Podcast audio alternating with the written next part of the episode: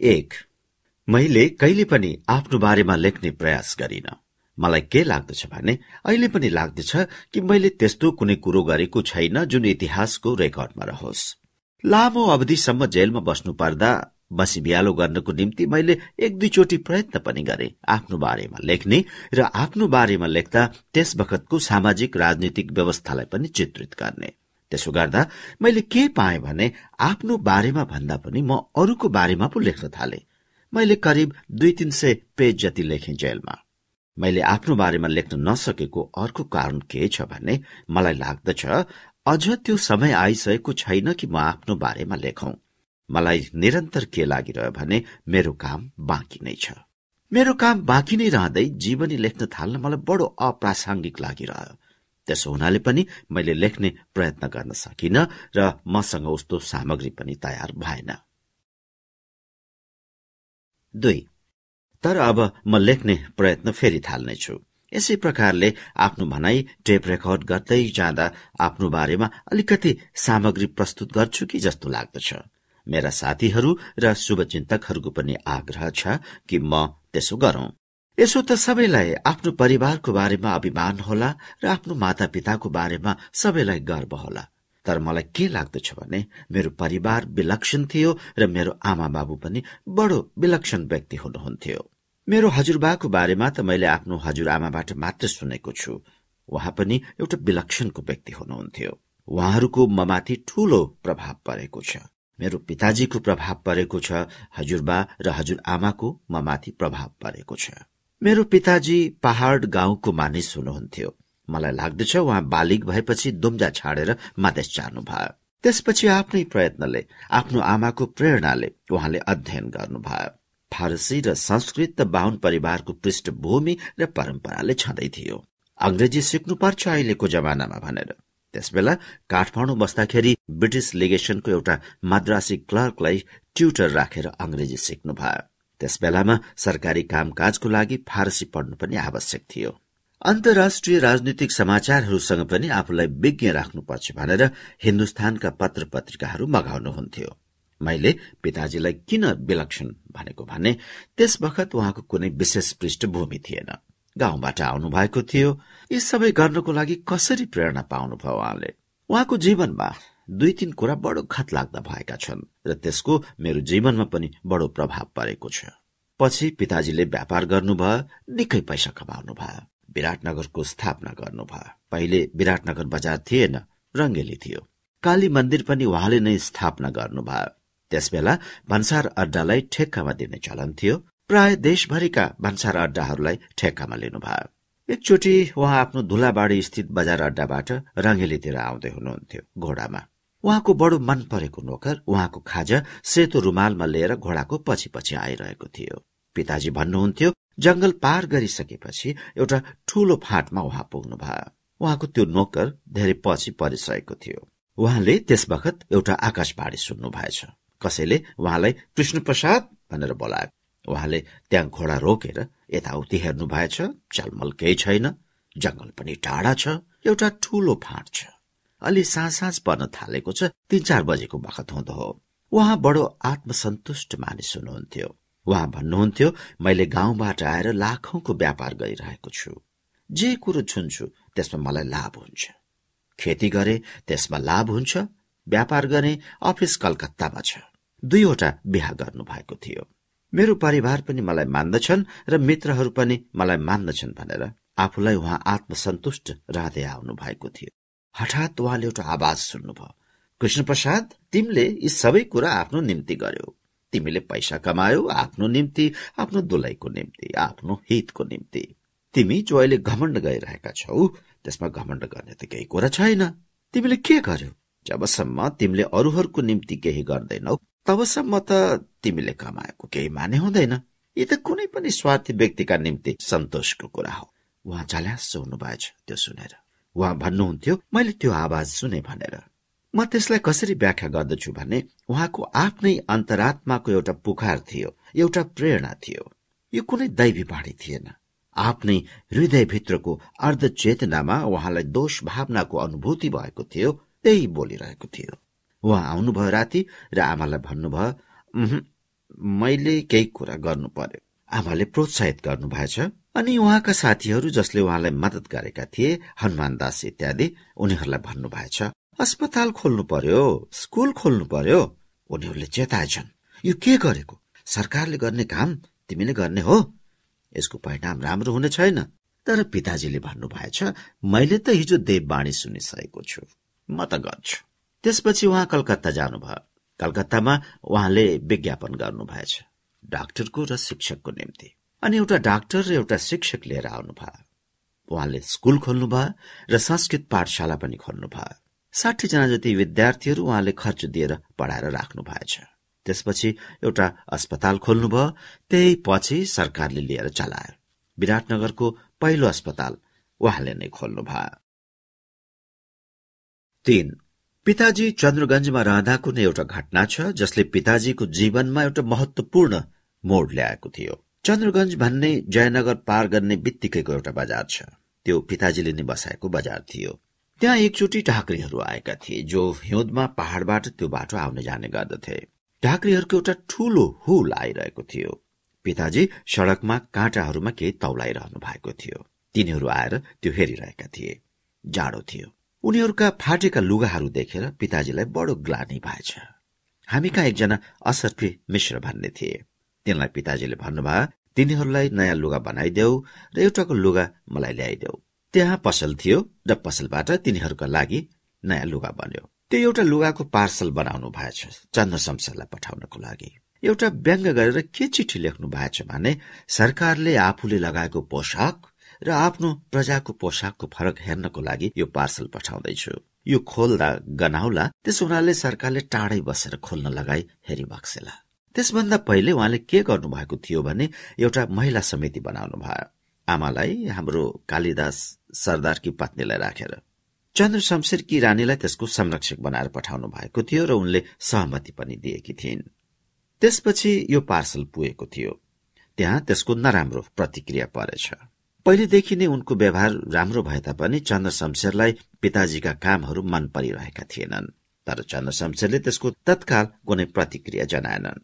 त्यसको धेरै दिनपछि दशैंको बेलामा पिताजी विराटनगर आउनु भएको थियो। तिनताका केशर बहादुर केसीका बाबु कर्णेल जित बहादुर विराटनगरमा बडा हाकिम थिए। उनलाई पिताजी धेरै विश्वास गर्नुहुन्थ्यो र पिताजी धेरै पछिसम्म भन्ने गर्नुहुन्थ्यो तिनले मलाई धेरै मदत गरेका छन्। पिताजी विराटनगर जान लाग्नु भएको बेलामा उहाँलाई गिरफ्तार गर्नु भन्ने आदेश आइसकेको रहेछ। पिताजीका धेरै ठेक्काहरू थिए कुनैमा बाँकी थियो कुनैमा हिसाब फर्चिएको थिएन अनि त्यही कुरामा समातेर राख्ने योजना रहेछ। तिनले पिताजीलाई भनेछन् तिम्रो त कलकत्तामा धेरै व्यापार छ। किन जाँदैनौ कलकत्ता? धेरै भयो तिमी कलकत्ता नगएको?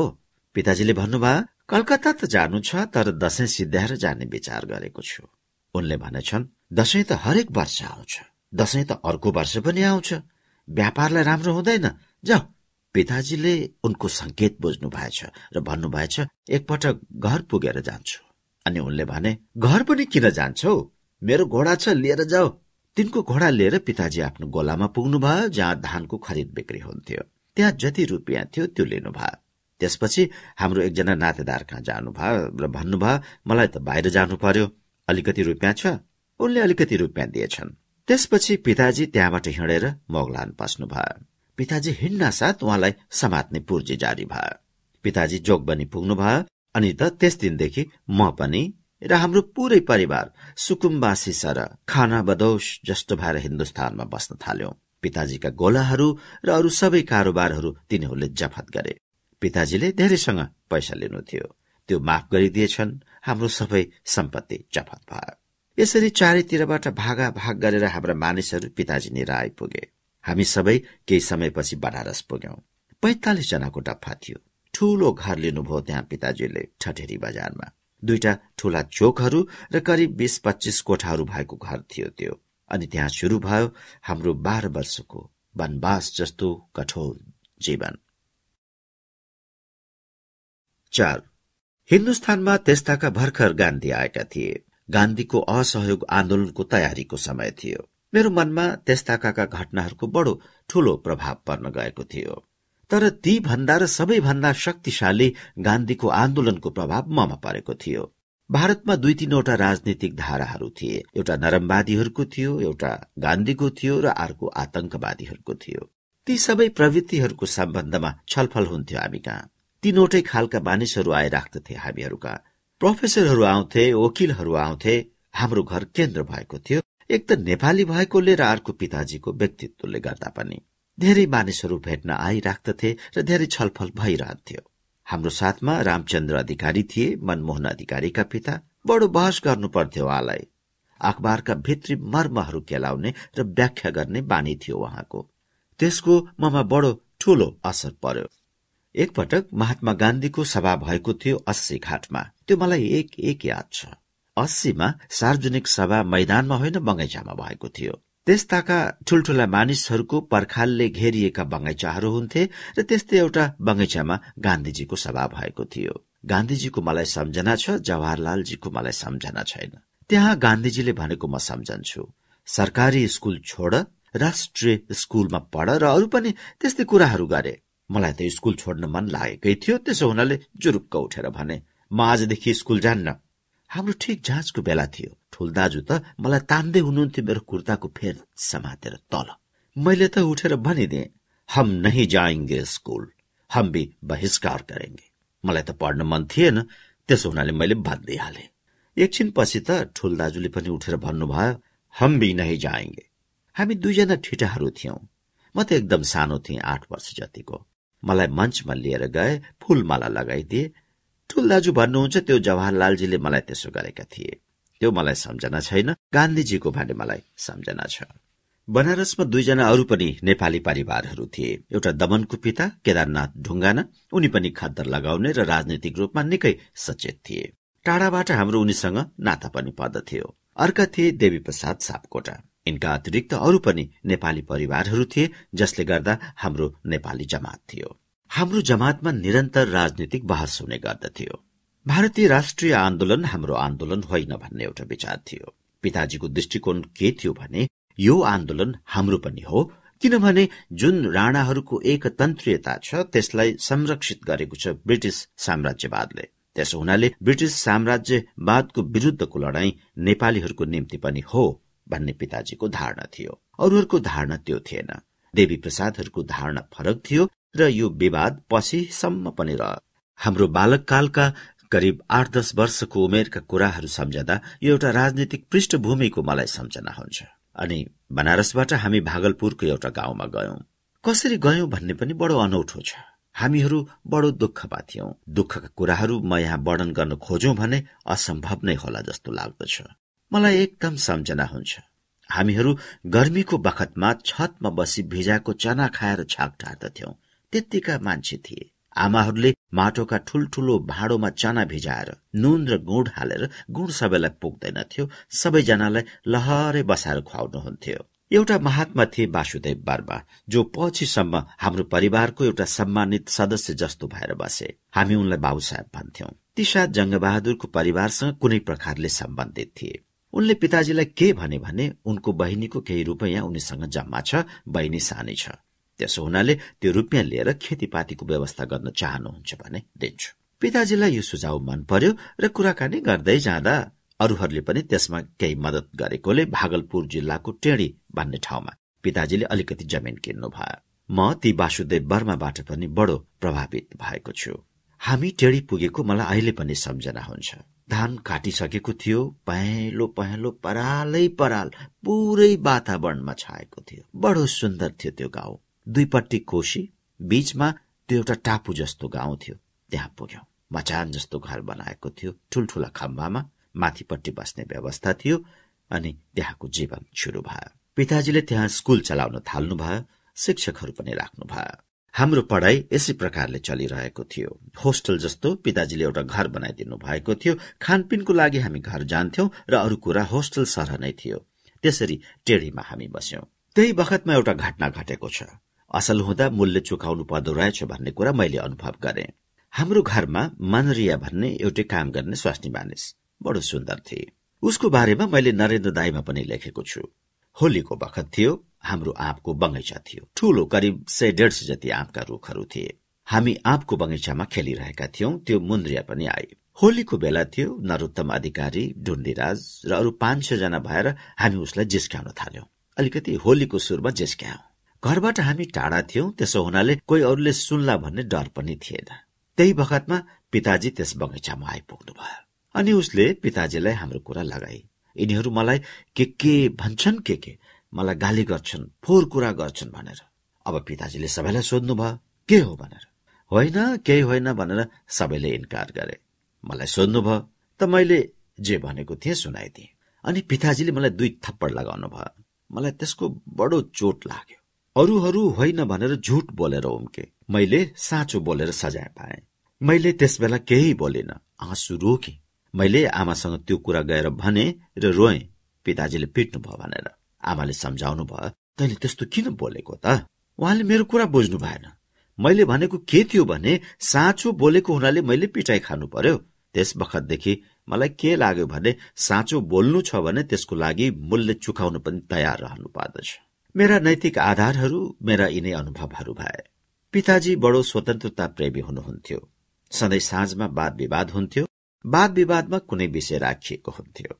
मलाई जहिले पनि वाद विवादमा आफूलाई विश्वास नलागेको विचार राख्न मनै नलाग्ने।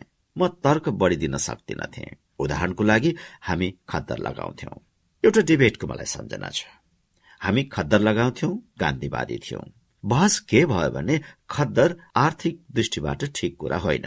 ठूल दाजुले ठिक होइन भन्ने पक्षबाट बोल्नुभयो मैले ठिक हो भन्ने पक्षबाट बोले। मैले त्यहाँ भने हामी खद्दर लगाउँछौ। त्यसलाई उहाँ किन ठिक होइन भन्नुहुन्छ? गलत कुराको पक्षमा किन बोल्ने? भनेर म तर्क गर्दथे। त्यो त बहस मात्रै हो भन्न सकिन्छ भनेर मलाई सम्झाउँथे। म भन्दथे बहस पनि त कुनै गल्ती कुराको हुन सक्दैन। मेरा धारणा जो त्यस बेला बनेको थियो आजसम्म पनि मेरो त्यही धारणा बनिरह। पाँच। मलाई किन हो किन? बनारस नै जान मन लाग्यो। तर बनारस जाने खर्च थिएन बनारसमा पढ्ने कुनै व्यवस्था थिएन। जाने खर्च पनि चाहियो र एडमिसन गराउने पैसा पनि चाहियो। मलाई गान्धीवादी स्कूल होइन कुनै सरकारी स्कूलमा नै पढ्ने मन थियो र बनारसमा हरिश्चन्द्र स्कूलमा मेरो ध्यान थियो। त्यही पढ्छु भनेर। पिताजी पठाउन सकिरहनु भएको थिएन। हाम्रो घर सबै ढल्ला जस्तो थियो पानीले सबै बगाइदिएको थियो। पानी सुकेर गएपछि हैजा टाइफाइडहरूको प्रकोप शुरू हुन्थ्यो। यी सबै संकट र कष्टहरू परिवारले खेप्नु परिरहेको थियो। हाम्रो बहिनी नलिनीले भने होइन सान दाजु तपाईँलाई पढ्न जाने मन छ भने मसँग छ नि अलिकति सुन त्यो तपाईँ लिएर जानुहोस्। हाम्रो घरमा नलिनीसँग मात्रै सुन थियो सानो टुक्रा कानमा। त्यस बखतमा नछुने मानिसलाई छोयो भने सुन पानी छर्कने चलन थियो। सुन पानी छर्कन पर्यो भने उसलाई खोज्नु पर्थ्यो। अनि मेरो सानीमा आमाकी बहिनी उहाँ आउनु भएको थियो हाम्रो घरमा। उहाँले यति रमाइलो मान्नुभयो कि म यही घरमा बिहा गर्छु भन्न थाल्नु भयो कोसँग भने सुशीलको पिता बोध प्रसादसँग मान्नु भएन बिहा गर्नुभयो। उहाँसँग एक तोला सुन थियो। दुवैजनाले लुकिकन आ आफ्नो सुन दिए। यो लिएर जाऊ र पढ भनेर। नलिनीको सुन लिएकोमा त कसैलाई आपत्ति थिएन तर मेरो सानीमा पिताजीको सालीसँग सुन लिएकोमा त पिताजीलाई आपत्ति थियो र उहाँ एकदम रिसाउनु भयो। त्यसमा सानीमा पनि रिसाउनु भयो। के म टाढाको भए? त्यही सुन आमाले हराउला भनेर कछाडमा सिदिनु भयो र त्यो लिएर म बनारस गएँ। त्यहाँ हाम्रो हजुरआमा काशीवास गर्नुहुन्थ्यो। त्यहाँ एउटा सुविधा के थियो भने दुई छाक खान पाइहालिन्थ्यो। मैले स्कूलको फिस मात्रै तिर्नु पर्थ्यो। पिताजीका दुईजना पहिलेदेखिका मित्रहरू थिए। एकजना थिए बनारस हिन्दू युनिभर्सिटीका अंग्रेजीका प्रोफेसर गणेश दत्त शास्त्री र अर्का थिए हरिश्चन्द्र स्कूलको इतिहासका शिक्षक सीताराम पन्त। दुवै पहाडिया थिए। पिताजीले उनीहरूलाई चिठी लेखिदिनु भएको थियो र मलाई भन्नुभएको थियो जरूरत परेमा सम्पर्क राख्नु। गणेश दत्त शास्त्रीको भन्दा पनि मलाई सीताराम पन्तको धेरै भर हुन्थ्यो किनभने म उनकै स्कूलमा पढ्थे। उनलाई चिठी दिएपछि उनले भने ठिक है। स्कूल खुल्ने के दिन आना मैं तुम्हारा एडमिशन करवा दूंगा। म गएँ स्कूल खुलेको दिन। एडमिसनको लागि जाँच लिनुपर्ने भयो। मैले टेडीमा सात क्लास पास गइसकेको थिएँ र आठ क्लासमा त्यहाँ पनि भर्ती हुन सक्थेँ। मलाई डर के लाग्यो भने म त्यहाँ आठ क्लासमा सक्दिनँ कि भनेर। मलाई जाँच दिनु पर्थ्यो तर सीताराम पन्तले के भन्यो भने मैले जाँचिसके सात या आठ क्लासमा राखे हुन्छ। हेडमास्टरले सात क्लासमा राखिदेऊ भन्यो र म सात क्लासमा भर्ना भए।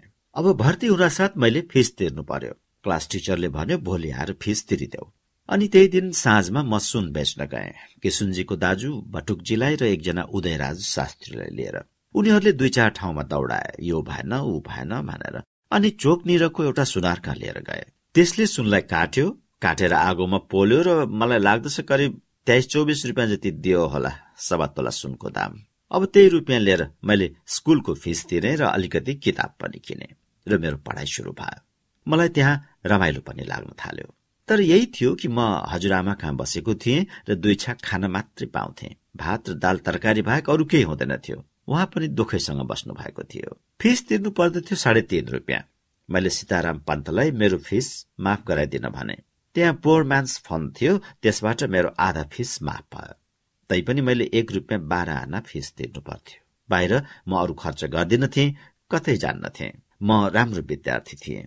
राम्रोको अर्थ रूप होइन। मलाई शिक्षकहरू पनि माया गर्थे र सम्मान गर्थे। सम्मान त मलाई अत्यन्त नै मिलेको थियो स्कुलभरिमा। मैले भनेको साँचो हो भन्थे। कसैले कुनै बदमासी गरेको छ भने मलाई सोध्थे। मैले उन्नाइस सय उन्तिस तीसतिर त्यस स्कुलबाट दशौं क्लास पास गरे। राजनीतिक आन्दोलनहरू हुँदा त्यहाँ हड़ताल हुन्थ्यो धरना हुन्थ्यो र त्यसमा म अघि रहन्थे। म मात्रै थिएँ एउटा त्यस स्कुलमा खद्दर लगाउने र अंग्रेजी पढाउने एउटा शिक्षक पनि थियो खद्दर लगाउने। त्यसले गर्दा पनि त्यहाँ मेरो सम्मान थियो। यद्यपि त्यो पूर्णत अंग्रेजी स्ट्यान्डर्डको स्कुल थियो। त्यहाँ इन्टर स्कुल डिबेट हुन्थ्यो। त्यसमा म पहिला आउँथे। मलाई आश्चर्य लाग्छ। दस बाह्रवटा स्कुलहरूमा म बाहिरबाट आएको मानिस पहिला हुन्थे। अनि तिनै ताका जब म दस क्लासमा पढ्दै थिएँ र गान्धीवादी पनि थिएँ आतंकवादीहरूसँग मेरो संगत भयो। आतंकवादीहरूसँग संगत परेर त केही गरेको होइन एउटा रिभल्भर थियो। पाँच छ जनाको एउटा ग्रुप थियो। त्यो रिभल्भरलाई राखेर हामी छलफल गर्थ्यौं, कसरी क्रान्ति गर्ने, के गर्ने भनेर। त्यो एउटा रोमान्टिक किसिमको काम थियो। म नेपाली भएको हुनाले उनीहरू के भन्थे भने में बहुत हथियार मिलता है। तुम नेपाल से हथियार मगाना। तुम्हारा बड़ी उपयोगिता है। हम कैसे मगाएँगे? किससे मगाएँगे? भनेर मैले प्रश्न गर्दा, क्यों? चीन से बोर्डर मिलता है? भनेर जवाब दिन्थे। मैले भने चीन से बोर्डर होने पर भी सब चीज़ यहाँ से नेपाल जाता है। चीन से तो कुछ नहीं आता है। मैले यसो भनेपछि उनीहरू भन्थे त कुछ उपाय हो जाएगा ए तुम्हारी जिम्मे रहेगा। कस्तो रोमान्टिक कुरा थियो। हामी नेपाल आउने अवस्था थिएन। मेरो स्कुलको पढाइ सकियो र हजुरआमा पनि रहनु भएन। मेरो लागि समस्या थियो। अब कहाँ बस्ने? मैले म्याट्रिक पास गइसकेको थिएँ तर कलेजमा एडमिसन गराउने पैसा पनि थिएन। त्यही अवस्थामा आतंकवादी संगठनमा लागेकोले म समातिएँ पहिलो पटक म समातिएको थिएँ उन्नाइस सय तीसको दशैं म र ठूल दाजु समातिएका थियौं। एक बिहानै पुलिसका मानिसहरू आएर लगे। मलाई राख्यो मैदागिन निरको कोतवालीमा ठूल दाजुलाई अर्को कोठा मसँग छुट्याएर राख्यो। सोधपुछ गर्यो पुलिसले। त्यसपछि जेल लग्यो बनारस जिल्ला जेलमा। जेलमा हामी बेलुका पुग्यौं। मेरा आतंकवादी साथीहरू तर्सिएर टाढा टाढा उभिरहेका थिए। कोतवालीको कम्पाउन्ड भन्दा टाढा। त्यहाँबाट हामीलाई लिएर गए मोतिहारी। हाम्रो वास्तविक मुद्दा त मोतिहारीमै थियो। हामीलाई ट्रेनबाट लिएर गए। त्यस मुद्दामा शनाखत परेड हुँदा दुई तीन सय विद्यार्थीहरूलाई अदालतमा लिएर आएका थिए। मेरो हातको हतकडी खोलिदिएका थिए। एउटा चबुतरामा हामी सबैलाई बसाएर रातो तुलले गोडा छोपिदिएपछि साक्षीहरूबाट चिन्ह लगाए। आधा घण्टा लाग्यो तर तिनीहरूले चिनेको मान्छे देखाउन सकेनन्। म त्यही एउटा शंकाको सुविधाबाट छुटे। आतंकवादीहरूको एउटा हाजीपुर ग्रुप थियो। त्यससँग मेरो सम्पर्क थियो। चन्द्रमा शुक्लहरूसँग मेरो सम्पर्क थियो। मोतिहारीमा चलेको डकैती मुद्दामा म संलग्न थिइन र त्यो मुद्दा मेरो विरूद्ध चल्न पनि सकेन। त्यस मुद्दाबाट छुटेर आएपछि मैले बनारसमा कलेजमा एडमिसन लिएँ। छ। यसै बीचमा पिताजीको जीवन पनि बडो नाटकीय तवरले बित्यो। हाम्रो घरमा भोक भोके बस्नु पर्थ्यो खाना थिएन। त्यसताका हाम्रो परिवार बेतिया थियो कोही कहाँ कोही कहाँ थिए अखबार बेच्थे हाम्रा मान्छेहरू। अखबार बेचेर आएको पैसाबाट किनमेल गरी कुँडो बनाउँथे। धेरै पानीमा पिठो तरकारी सबै थोक हालेर पकाएर खान्थे। मेरो भाइ थियो हरिहर ऊ हैजाले मर्यो उसलाई घाट लैजान कात्रु किन्ने पैसा समेत थिएन। छिमेकमा एउटा नेपाली परिवार थियो। घरमा आमा मात्रै हुनुहुन्छ पिताजी पनि बाहिरी हुनुहुन्थ्यो। सुशीलको पिता बोध प्रसाद एउटा दोकानमा काम गर्नुहुन्थ्यो। बेलुका अखबार बेच्न जानुहुन्थ्यो। म पनि जान्थे अखबार बेच्न। त्यो अवस्था थियो हाम्रो। पिताजीलाई लागेछ अब सहन सकिँदैन। अब लेख्छु चन्द्र शमशेरलाई भनेर एउटा चिठी लेख्नु भयो अब त धेरै भयो म आउन पाऊ भनेर। त्यो हुलाकमा खसाउन जाँदा उहाँको मन फिर्यो। चिठी नखसाएरै फर्कनु भयो। भोलिपल्टै खबर निस्क्यो अखबारमा चन्द्र शमशेर मरे भीम शमशेर प्रधानमन्त्री भए। अनि उनले खबर पठाएपछि पिताजी नेपाल फर्कन भयो। त्यस्ताका पिताजीलाई छातीको रोग भएकोले घरमा बसेर पढ्नुहुन्थ्यो। हामी नेपाली किताबहरू पाउँथ्यौं। नेपालमा जुन किताब छापिए पनि चन्द्र शमशेरले त्यस बखतको परराष्ट्र विभाग हेर्ने काजी मारिचमान मार्फत पठाउने गर्थे। र जति पनि नेपाली किताबहरू नेपालबाट प्रकाशित हुन्छन् त्यो पिताजीलाई पठाइदिनु भने चन्द्र शमशेरले रहेछन्। पिताजीलाई छातीको रोग निको हुने औषधिहरू पठाइदिन्थे। चन्द्र शमशेरलाई पनि छातीको रोग लागेको हुनाले आफूलाई फाइदा गर्ने आयुर्वेदिक औषधिहरू उनले पिताजीलाई पनि पठाइदिन्थे। नेपाली किताबहरूका ठेलीका ठेली आउँथे। प्रत्येकको दुई तीन प्रतिका दरले चन्द्र शमशेरले पिताजीलाई आदर त गर्थे तर नेपाल आउनु दिँदैनथे। नेपाल आउनलाई माफी नै माग्नुपर्छ भन्ने उनको हट थियो। पिताजी पनि चन्द्र शमशेरलाई मान्नुहुन्थ्यो तर माफी माग्नुहुन्नथ्यो। बनारसमा आएपछि मलाई किताबहरू किन्न मन लाग्दथ्यो। त्यहाँ मलाई पैसाको अत्यन्त अभाव थियो। त्यसो हुनाले म पुस्तकालयहरूमा जान्थे। एउटा कार्माइकल लाइब्रेरी थियो म त्यहाँ जान्थे। त्यहाँ मलाई चाहिएका किताबहरू पाइँदैनथ्यो जस्तै म रुसी लेखकहरू फ्रेन्च लेखकहरूको रचना मन पराउँथे त्यो म त्यहाँ पाउँदैनथे मलाई अहिले सम्झना छ भिक्टर ह्युगोको एउटा किताबको। त्यसको दाम डेढ रुपियाँ थियो। मैले ठुल दाजुबाट जो पैसा पाउँथे त्यसबाट बचाई बचाई राखिकन मैले त्यसलाई किने किनभने त्यो किताब बनारसमा पाइँदैनथ्यो कलकत्ताको थ्याकर एन्ड स्पेङ्सलाई चिठी लेखेर त्यो किताब मैले मगाए। त्यो किताब थियो ला मेजरेबल। त्यसलाई पढेर म रोएको छु। म माथि त्यसको ठूलो प्रभाव परेको छ। सुशीला पनि त्यस किताबलाई सबभन्दा उच्च कोटिको मान्दछ। म त्यसलाई दुनियाँको महान कृति मध्येको एउटा मान्दछु। त्यसबेला म आठ क्लासमा पढ्थे। त्यसपछि मैले गोर्कीका किताबहरू पढे जो अलिकति कम्युनिष्ट प्रभावको थियो। म बनारसमा आएपछि मेरो मित्रता भयो शान्तिप्रिय द्विवेदीसँग। उनी ठूला समालोचक थिए बडो संवेदनशील लेखक थिए। उनले मेरो साहित्यको बारेमा अभिरुचि देखेर धेरै कुरा मलाई बताउन लागे। किताबहरूको बारेमा र लेखकहरूको बारेमा बताउन थाले। उनको संगतले गर्दा हिन्दीका दुई तीनवटा ठूल्ठूला महारथीहरूसँग सम्पर्क हुन थाल्यो। म तिनीहरूका जान्थे। मैथिली शरण गुप्त रामकृष्ण दास जयशंकर प्रसाद।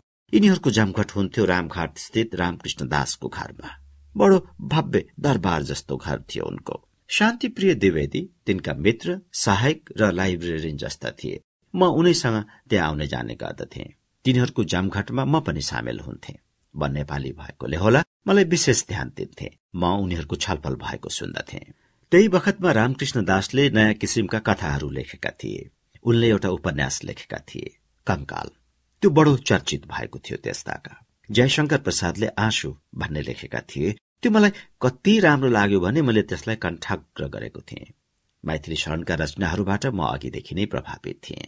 त्यस साहित्यिक वातावरणले मलाई निकै प्रोत्साहित गर्यो साहित्यमा। त्यस्ताका प्रेमचन्दको हंस भन्ने मासिक पत्रिका निस्कन्थ्यो शान्तिप्रिय द्विवेदीले मलाई हंसमा लेख्न भने मैले भने मेरो कुरा हंसमा कसरी छापिएला र? किन छापिँदैन?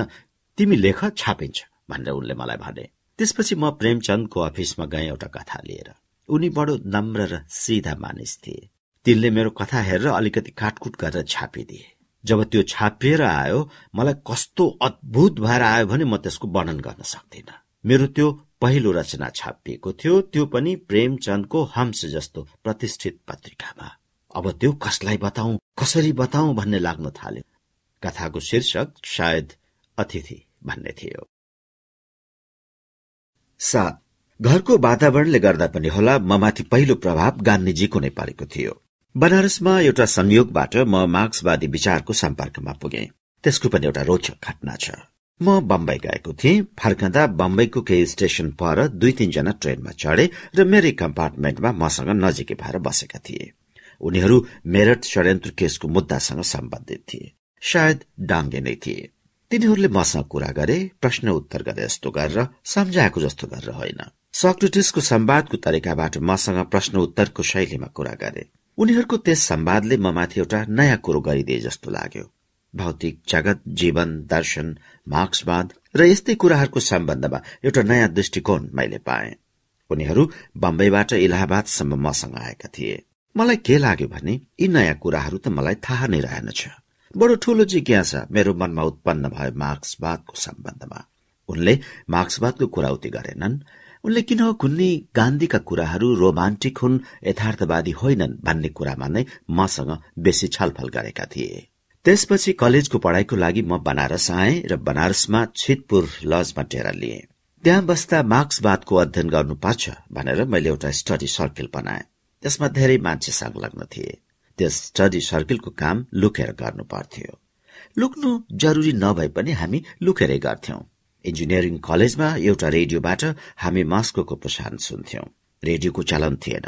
इन्जिनियरिङ कलेजमा उनीहरूले एउटा काम चलाउ रेडियो बनाएका थिए कानमा लगाएर सुन्नुपर्ने किसिमको।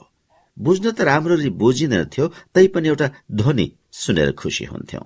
त्यसरी मैले कम्युनिजमको अध्ययन गरे र कम्युनिष्ट पार्टीसँग सम्पर्क विकास गरेको थिएँ। मेरा अरू साथीहरू देवेन्द्रहरू हाम्रो हाँसो उडाउँथे। त्यसरी म अलिअलि गर्दै मार्क्सवादी राजनीतिमा संलग्न भएको थिएँ। हामीले एउटा पत्रिका पनि निकाल्यौ द सोसलिस्ट भन्ने। म थिएँ त्यसको सम्पादक एउटा बरुचा भन्ने थियो आर्टिस्ट। तर मलाई कम्युनिष्ट आन्दोलनका केही कुराहरूमा चित्त बुझेको थिएन। त्यसो त मार्क्सवाद मलाई बडो क्रान्तिकारी दर्शन लाग्दथ्यो मलाई चित्त नबुझेका ती कुराहरू मेरो मनमा उठिराख्दथे। भारतको एउटा राष्ट्रिय आन्दोलन त्यत्रो ठूलो यथार्थ जसमा मेरो सम्पूर्ण परिवार पनि संलग्न थियो। म त्यस राष्ट्रिय आन्दोलनको दौरान नै हुर्के मेरो पिताजीको सक्रिय संलग्नता मैले देखिरहेकोलाई यो केही पनि होइन। यो ब्रिटिसहरूले गराएको गान्धी भनेको ब्रिटिसहरूको दलाल अचेतन दलाल भन्ने कुरा म स्वीकार गर्न सक्दिनथे। अर्को कुरा मार्क्सवादको सम्बन्धमा मलाई टर्चकीको अन्तर्राष्ट्रियतावादले प्रभावित पारेको थियो। मेरो आन्तरिक भावना त्यसको प्रभावमा थियो। मेरो मनमा मार्क्सवादको प्रभाव रह्यो तर कम्युनिष्ट पार्टीले मलाई प्रभावित गर्न छोड्यो। त्यस बखतमा छितपुरमा एउटा घर लिएर म बसेको थिएँ। राम्रो ठाउँ थियो। हामी दुईजनाले मिलेर त्यो घर लिएका थियौं। म माथिल्लो तलामा र तल जयप्रकाश नारायणको भाइ राजा भन्नेले लिएका थिए। ती पनि मेरो क्लासमा थिए। एक दिन जयप्रकाश नारायण त्यहाँ आएका थिए भाइलाई भेट्न। अनि उनको भाइ राजाले मसँग सोधे जयप्रकाश नारायणलाई भेट्छौ? मैले त्यसभन्दा अघि जयप्रकाश नारायणलाई अलिअलि चिनेको त थिएँ तर खास परिचय थिएन। उनले मलाई बडो प्रभाव पारे। धेरै क्लिष्ट भाषा प्रयोग नगर्ने बडो सरल किसिमको व्यक्ति मलाई उनी लागे। उनीसँग धेरै कुरा भयो। जयप्रकाश नारायणसँग मेरो छितपुरमा भेट हुँदा आमा त्यसबेला मसँगै हुनुहुन्थ्यो। बुनु सानी थिए सन् उन्नाइस सय चौतिसको भुइँचालो ताकाको कुरा हो। जयप्रकाशजी माथि आए आमालाई भेटे आदरका साथ कुरा गरे। उनको व्यवहारले मलाई बडो प्रभावित गर्यो। त्यसताका उनी सोचिरहेका थिए सोसलिस्ट आन्दोलनको विकासको सम्बन्धमा। अन्तर्राष्ट्रिय आन्दोलनको माथतमा एउटा सोसलिस्ट पार्टीको सम्भावनाको सम्बन्धमा उनीहरू सोचिरहेका थिए। मार्क्सवाद भारतीय सन्दर्भमा कस्तो हुन सक्दछ भनेर त्यस्ताका छलफल चलिरहेको थियो। त्यस सम्बन्धमा मैले एउटा कार्यक्रम छलफलमा ल्याइरहेको थिएँ। त्यसैताका कांग्रेस सोसलिस्ट पार्टी गठन भयो म त्यसको झण्डै शुरूको नै सदस्य भए। जयप्रकाश र आचार्य नरेन्द्र देवसँगको मेरो सम्पर्क धेरै बढ्न थाल्यो। कार्यक्रमहरूको सम्बन्धमा निकै विचार विमर्श हुन्थ्यो। मेरो गतिविधि बिहारतिर बढ़ी थियो। भाषाको सम्बन्धमा मेरो समस्या के थियो भने जो पछिसम्म पनि रह्यो घरमा एकदम नेपाली बोल्नु पर्ने घरभन्दा स्कूलमा सबै अंग्रेजीमा पढ्नु पर्ने र त्यसभन्दा बाहिर फेरि बजारतिर साथीहरूसँग हिन्दीमा बोल्नु पर्थ्यो साथीहरूको घरमा जाँदा उनीहरू कहीँ भोजपुरी र कहीँ अवधि बोल्थे। त्यो त म जान्दिनथे मलाई एकपटक सानो उमेरको एउटा रमाइलो घटना याद आउँछ। एकजना शिक्षकले मलाई सोधेका थिए तिमी अंग्रेजी जान्दछौ। मैले सोचे जस्तो ठाउँ ठाउँमा भोजपुरी अवधि हिन्दी विभिन्न भाषाहरू बोलिन्छन् उस्तै विभिन्न किसिमको अंग्रेजी पनि हुँदो होला। र मैले त्यही सम्झेर भने मलाई त बनारसको अंग्रेजी मात्र आउँछ। मेरो कुरा सुनेर उनी हाँसेको मलाई अझै सम्झना छ। ठिक छ बनारसको अंग्रेजी आउँछ भने ठिकै छ भनेर उनले मलाई भनेका थिए। म टेढीमा हुँदा मैथिली बोलिन्थ्यो बनारस जान्छु अवधि बोलिन्छु। त्यसो हुनाले मलाई के लाग्यो भने हिन्दी ठाउँ ठाउँमा फरक हुन्छ भने अंग्रेजी पनि फरक पर्दो होला। त्यस्तो समस्या थियो मेरो भाषाको। मेरो भाषा राम्रो थियो स्पष्ट र वजनदार तर भाषाको शुद्धता राख्न गाह्रो पर्थ्यो मलाई मेरो यो समस्याले। देवेन्द्रको अंग्रेजी एकदम शुद्ध थियो। त्यसले मलाई धेरै सिकायो शुद्ध अंग्रेजी लेख्न। त्यसै किसिमको वातावरणमा मैले बीए पास गरे। बीए पास गरेपछि पिताजीले फेरि मलाई कलेजमा पढ्न पठाउनु भयो पिताजी नेपाल फर्किसक्नु भएको थियो। मलाई तीस रुपियाँ महिनाको जान्थ्यो यथेष्ट हुन्थ्यो। देवेन्द्रलाई पचास रुपियाँ जान्थ्यो उसलाई त बाँकी रहेको बीस रुपियाँ कसरी खर्च गर्ने थाहा हुँदैन थियो। म कलकत्ता पढ्न गए ल कलेजमा। मलाई लेख्न मन लाग्थ्यो म लेख्दथे मैले एमएमा पनि प्रवेश लिएँ। कक्षामा गएँ तर जाँच दिन सकिनँ। म छुट्टीमा विराटनगर आएको थिएँ। मेरो ससुरा झापामा बडा हाकिम हुनुहुन्थ्यो। उहाँ हात्ती चढेर आउनुभयो मलाई सुशीलासँगको बिहाको प्रस्ताव लिएर। पिताजीसँग के के खासखुस कुरा गर्नुभयो शंकर घिमिरेका पिता पनि उहाँसँगै आउनु भएको थियो। सायद उहाँ असिस्टेन्ट हुनुहुन्थ्यो। पिताजीले भन्नुभयो उसैसँग कुरा गर्नुहोस् मैले के भन्ने? मलाई उहाँहरूले भन्न आउनुभयो मैले भने पिताजीले जे भन्नुहुन्छ मलाई ठिक छ। एकपटक तपाईँ सुशीलालाई हेर्नुहोस् र भन्नुहोस् भनेर उहाँहरूले धेरै जिद्दी गर्नुभयो।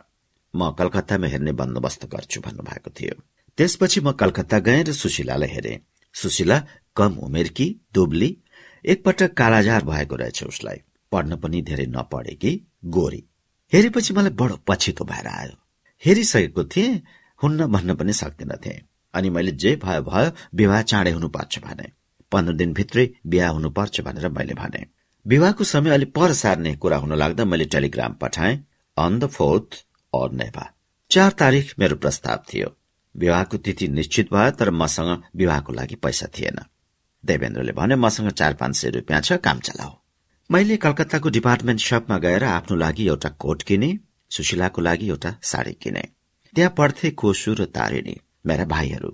विवाह हुन लागेको छ मेरो बनारस हिँड भनेर मैले उनीहरूलाई लिएर अनि पटना आए। देवेन्द्रलाई पनि लिन। मैले चिठी लेखेको थिएँ घरबाट कोही पनि नआउनु र कोही पनि आएन। पिताजी र आमा पनि आउनु भएन। हामी यति मात्रै बनारस गयौं। हामी उनीहरूले भनेको घरमा पुग्यौं। उनीहरूले त सम्झेछन् जन्ती आयो अनि त मेरो द्वार पूजा इत्यादि भयो। हामी त आयौं बस्ने व्यवस्था गर्नु पर्यो भने। एकदम पुरानो घरमा दुई तीनवटा कोठाहरू लिएको रहेछ। हामी त्यही बस्यौं। विवाह भइसकेपछि मैले करिब तीस जनालाई पार्टी दिए। चौकको चित्र सिनेमाको तलको एउटा रेस्टुराँमा जो त्यस्ताका त्यहाँ राम्रो मानिन्थ्यो। बडो सस्तो तर राम्रो पार्टी थियो। मेरा साथीहरू सबै आश्चर्य मानिरहेका थिए। उनीहरू भन्दथे किन यसरी विवाह गरेको? गुर्देले भन्यो क्या बात है? क्यों ये शादी की? पढ़ी लिखी भी नहीं है पैसा मिले वो भी नहीं है इतनी छोटी है सुन्दर भी नहीं है। क्यों शादी की? आमाले त हेरेर भन्नुभयो कस्तो उर्वशी जस्तै विवाह गराउला भन्ने सोचेको त यस्तो भयो। विवाह गरेर हामी घर आउँदा पिताजीलाई त विरक्त लागेर मुख छोपेर सुत्नु भएको थियो। तर पछि त कस्तो परिवर्तन आयो सुशीलामा भने सबभन्दा मन परे कि हाम्रो घरमा त्यही भएर आए। सुन्दरताको दृष्टिमा त एकताका त्योभन्दा सुन्दर कोही छैन भन्ने मेरा साथीहरू भन्दथे एकपटक म हजारीबाग जेलमा छँदा मेरा साथीहरूसँग बहस हुँदा संसारमा सबभन्दा सुन्दर मानिस तिमीलाई को लाग्दछ भनेर मेरा एउटा साथीले सोद्धा मैले सुशीलाको नाम लिएँ। त्यहाँ एकजना कुन्दन प्रसाद थिए बडो योग्य र बडो असल मान्छे। त्यस्ता मानिस बडो कम्ती हुन्छन्। उनले भने कोइरालाजी वो तो बहुत सुन्दर हैं लेकिन दुनिया में उनको सबसे सुन्दर कहना अतिशयोक्ति होगी। को छ त त्योभन्दा सुन्दर मान्छे? हामीले चिनेका मानिसहरूमा को छ त्योभन्दा सुन्दर? भनेर मैले च्यालेन्ज दिएँ। अनि घोरिएर सबै मसँग सहमत भए। सुशीलामा पछि त्यस्तो परिवर्तन आयो। मैले उसलाई पढाउन थाले उसलाई योगपट्टि लगाए व्यायाम गराए तेलको मालिसबाट शरीरको रोगन बढ्यो मैले बनाए उसलाई यस प्रकारले। मलाई मन परेका किताबहरू साहित्यहरू उसलाई सुनाउँथे बुझाउँथे र पढाउँथे अनि यसै प्रकारले मैले कानूनको अध्ययन पूरा गरेँ। विवाह र दाम्पत्य जीवनको बारेमा मेरा केही आफ्नै अध्ययन र आफ्ना अनुभवहरू रहेका छन्। मैले एउटा किताब पढेको थिएँ रबर्ट ब्लिमको म्यारेज। त्यो सोसलिस्ट पार्टीको नेता र एकपटक फ्रान्सको प्रधानमन्त्री पनि भइसकेको थियो। मैले त्यसको म्यारेज भन्ने किताब पढे जसको असर विवाह सम्बन्धी मेरो धारणामा परेको थियो। ऊ भन्दछ विवाह र मानवीय यौन प्रवृत्ति अन्तर्विरोधी कुराहरू हुन्। मान्छेको यौन प्रवृत्ति विषम यौन हेट्रोजनस छ र विवाहको प्रवृत्ति एक पत्नीत्वको हो। त्यसो हुनाले मानिसको यौन प्रवृत्ति र विवाहको संस्था परस्पर विरोधी कुराहरू हुन्। उसले सल्लाह के दिएको छ भने विषम यौन समापन एक्जस्ट गर्नुपर्छ र विवाह पछि गर्नुपर्छ। मलाई बडो खत लाग्दो लाग्यो त्यसको कुरा। विवाह आपसी समझदारीको कुरा हो यौनको कुरा होइन। त्यसो हुनाले एकदम स्वतन्त्रता हुनुपर्दछ लोग्ने मानिस र स्वास्नी मानिसहरूलाई। स्वतन्त्र सम्पर्क हुन दिनुपर्छ। विवाह ढिलो गरी हुनुपर्छ। जब दुईटालाई संगी र सहयात्रीको ज्यादा जरुरत पर्छ र एउटा भर पर्दो मानिसको ज्यादा जरुरत पर्छ त्यस बखतमा विवाह हुनुपर्छ। विवाहको संस्था र यौन प्रवृत्ति मिल्नुपर्छ भनेर त्यसले बडो घतलाग्दो विचार दिएको मलाई लाग्यो। आठ। अनि त्यही ताका सोसलिस्ट आन्दोलनको पनि कुरा चल्यो। पहिला त अनेक राजनैतिक समूहहरू थिए कम्युनिष्टहरू पनि थिए त्यस आन्दोलनमा। जयप्रकाशजीको नेतृत्वमा कांग्रेस सोसलिस्ट पार्टी गठन भएपछि एउटा छुट्टै सुसंगठित सोसलिस्ट आन्दोलन चल्न थाल्यो। त्यहाँ गान्धीवादी र समाजवादीहरूमा मतभेद जस्तो थियो र त्यो मतभेद पछिसम्म रह्यो। गान्धीको सम्पूर्ण भाषा धार्मिक किसिमको हुने राम राज्यको कुरा गर्ने वर्ग संघर्षलाई नमानेर वर्ग समन्वयको कुरा गर्ने पुँजीपतिहरूलाई ट्रस्टी हो पनि भन्ने। यी सबै धारणाहरू मार्क्सवादी सिद्धान्तको खिलाफ थिए। यसमा गान्धीजीसँग सोसलिस्टहरूको मतभेद थियो। यद्यपि गान्धीजीलाई बडो आदर गर्थे। नेता मान्दथे समाजवादीहरू। जवाहरलाल नेहरू बीचबीचमा कुरा गर्न गइरहन्थे जयप्रकाशजीसँग। मलाई त्यो व्यवहार राम्रो लाग्थ्यो। म यसै बीचमा दार्जीलिङ गएको थिएँ ओकालत गर्ने विचारले। ओकालतमा जो ठूल्ठूला वकिल छन् तिनको कुरा मलाई थाहा छैन। तर साना वकिलहरूले युवा वकिलहरूसँग जुन प्रकारले कुराकानी गर्छन् त्यो मलाई मन परेन। संवैधानिक कानूनको प्रश्नमा वा राजनैतिक प्रश्नहरूमा जो छलफल हुन्थ्यो त्यसमा मलाई चाख लाग्ने तर सम्पत्ति सम्बन्धी झगडामा मलाई मन लाग्दैनथ्यो मैले एउटा तिब्बतीको मुद्दामा ब्रिफ तयार गरेको सम्झना छ। त्यो एउटा ठूलो व्यापारी थियो। मैले पहिला फिस पाएकै त्यसैको केसमा हो। त्यस बखतमा मेरा सिनियर थिए हरिप्रसाद प्रधान। उनले मलाई केही पैसा आउने केसहरू दिएका थिए तर मलाई कोर्ट जान मन लाग्दैनथ्यो त्यस्ताका म हिन्दीमा लेख्ने गर्दथे। सूर्य विक्रम गेवालीले मलाई दार्जीलिङबाट लेखे तपाईँ हिन्दीमा लेख्नुहुन्छ यो त राम्रो होइन। तपाईँ नेपालीमा किन लेख्नुहुन्न? त्यसपछि मलाई नेपालीमा लेख्नु पर्यो भन्ने लाग्यो। मैले इन्द्रवदन भन्ने एउटा कथा लेखे नेपालीमा। त्यसको बडो चर्चा भयो। त्यसमा एउटा नयाँ प्रयोग गरेको देखियो। त्यस कथाको मुख्य पात्र एउटी स्वास्नी मानिस छे। उसको एउटी सानी छोरी छ। उसको दुला वर्ष दिनको निम्ति कतै बेपत्ता भएको छ। त्यस स्वास्नी मान्छेको बिहानदेखि बेलुकासम्मको एक नाशको निरस दैनिक जीवनको चित्रण छ। छेउको अर्को घरको बार्दलीमा एउटा लोग्ने मानिस बस्दो रहेछ। त्यो नै त्यसको अभिरुचिको विषय भएको छ। त्यसबाट उत्पन्न भएको मनोवैज्ञानिक असरको मैले विश्लेषण गरेको थिएँ। त्यो कथा शारदा भन्ने मासिक पत्रिकामा निस्क्यो जसलाई सम्पादन गर्थे सिद्धिचरण श्रेष्ठ। मेरो उनीसँग पहिलो भेट इन्दिराको विवाहमा उनी आएको बखतमा भएको थियो। मैले दार्जीलिङमा करिब पन्ध्र बीसवटा कथाहरू लेखे अनि त्यही द्वितीय महायुद्ध शुरू भयो। तीन ताकाका राजनैतिक साहित्यहरूमा हिटलरको अभ्युदयको विषय आउँथ्यो। मुसोलिनीको पनि चर्चा हुन्थ्यो। ऊ त पहिले सोस्टिस्ट थियो पछि डिक्टेटर भयो। हिटलरको सम्बन्धमा हरेक कुरा म पढ्थे। कम्युनिष्टहरू भन्दथे एउटा ठूलो युद्ध हुन्छ त्यसको निम्ति हामी तयार रहनु पर्दछ जब म दार्जीलिङमा थिएँ त्यही ताका टंकप्रसाद आचार्यहरू समातिएका थिए। महायुद्ध शुरू भइसकेको थियो। महायुद्ध शुरू भइसक्यो भन्ने बित्तिकै मैले त्यसबाट उत्पन्न हुने परिस्थितिहरूको विश्लेषण गरी निदो गरे देशको राजनीतिमा उत्रने। मलाई लाग्यो अब देशमा राजनीतिक संघर्षमा मैले लाग्नुपर्छ ओकालत गरेर बस्ने होइन। हाम्रो संघर्षको द्वन्द कस्तो थियो भने हिटलरसँग पनि एकदम विरोध र फेरि अंग्रेजी साम्राज्यवादसँग पनि ठूलो विरोध थियो। तर महायुद्धको सन्दर्भमा त ब्रिटिस साम्राज्यवादले नै हिटलरको मुकाबिला गरिरहेको थियो। युरोपभित्र त केवल अंग्रेजहरू नै सशक्त रूपमा हिटलरसँग लडिरहेका थिए। हामीहरू हिटलर पनि हारोस् भन्थ्यौं एकातिर भने अर्कोतिर अंग्रेज पनि नरहुन् भन्थ्यौं। त्यस वखत मैले एउटा लेख लेखेको थिएँ। त्यसमा मैले लेलिनलाई उल्लेख गरेको थिएँ। यस साम्राज्यवादी लडाईँलाई गृहयुद्धमा परिणत गर्नुपर्छ भनेर। त्यो पटनाको सजलाइटमा छापिएको थियो। मैले केही समय बिहारको मजदूर क्षेत्रमा काम गरेको छु। मलाई पठाउँथे म जान्थे समातिन्थे। दरभंगाको नजिकमा दरभंगा र समस्तीपुरको बीचमा एउटा स्टेशन छ मुक्तापुर। त्यहाँ एउटा ठूलो जुट मिल थियो। त्यही दरभंगा जिल्लामा एउटा सुगर मिल थियो। त्यहाँ पनि म काम गर्थे। दरभंगामा जो पुलिस अफिसर थियो त्यो ब्रिटिस थियो र लेबर पार्टीमा सहानुभूति राख्ने। उसले मलाई समातेर लगेपछि बोलाएर मसँग बहस गर्यो। के भन्न थाल्यो भने म पनि लेबर पार्टीको हुँ। हामीहरू पनि त्यही कुरा भन्दछौ जो तिमी भन्दछौ। तर हिटलरले जितेपछि त तिमीलाई पनि सजिलो पर्दैन। मलाई राम्ररी सम्झना छ। मैले भने त्यो तिमीहरूको युरोपियन समस्या हो। तर हाम्रो स्वतन्त्रताको पनि त समस्या छ। त्यहाँबाट छुटेपछि म पहिला गएँ जनकपुर। सन् उन्नाइस सय बयालिसको भारत छोडो आन्दोलनको समयमा म विराटनगरमा थिएँ। धेरै मानिसहरू भागाभाग गरेर नेपाल पसेका थिए। पिताजीले उनीहरूलाई पनि त यहाँ बसोबास गराउने सुरक्षित राख्ने व्यवस्था गर्नु पर्यो भन्नुभयो। भागेर आएका धेरै मानिसहरू मुजफ्फरपुर र मोतिहारीबाट आएका थिए। जनकपुरमा हाम्रो एउटा राइस मिल थियो। पिताजी त्यहाँ भागेर आएका मानिसहरूलाई राख्ने बस्ने व्यवस्था गर्न उता लाग्नुभयो म पटना हिँडे। पटना पुगेको भोलिपल्टै बिहान मलाई समातिहाले अनि हामीलाई बाँकीपुर जेल पठाइदियो त्यस जेलमा डाक्टर राजेन्द्र प्रसाद पनि थुनिएका थिए। त्यस जेलको अस्पतालको एउटा कोठालाई सफा गरेर राजेन्द्र बाबुको निम्ति दियो र अर्को एउटा ठूलो हल खाली गरेर दुईटा बेड राखिदिएको थियो। त्यसको एउटा बेड मलाई दिएको थियो। ती कोठाहरू राम्रा थिए। मलाई केन्द्रीय सरकारको बन्दी भनिदियो। राजेन्द्र बाबु र म मात्र त्यहाँ केन्द्रीय सरकारका बन्दी थियौं। देवेन्द्र पनि त्यही जेलमा बन्दी थियो। मलाई त राम्रै लागिरहेको थियो। साथीहरू पनि धेरैजना आइरहेकै थिए। खाना पनि राम्रै थियो।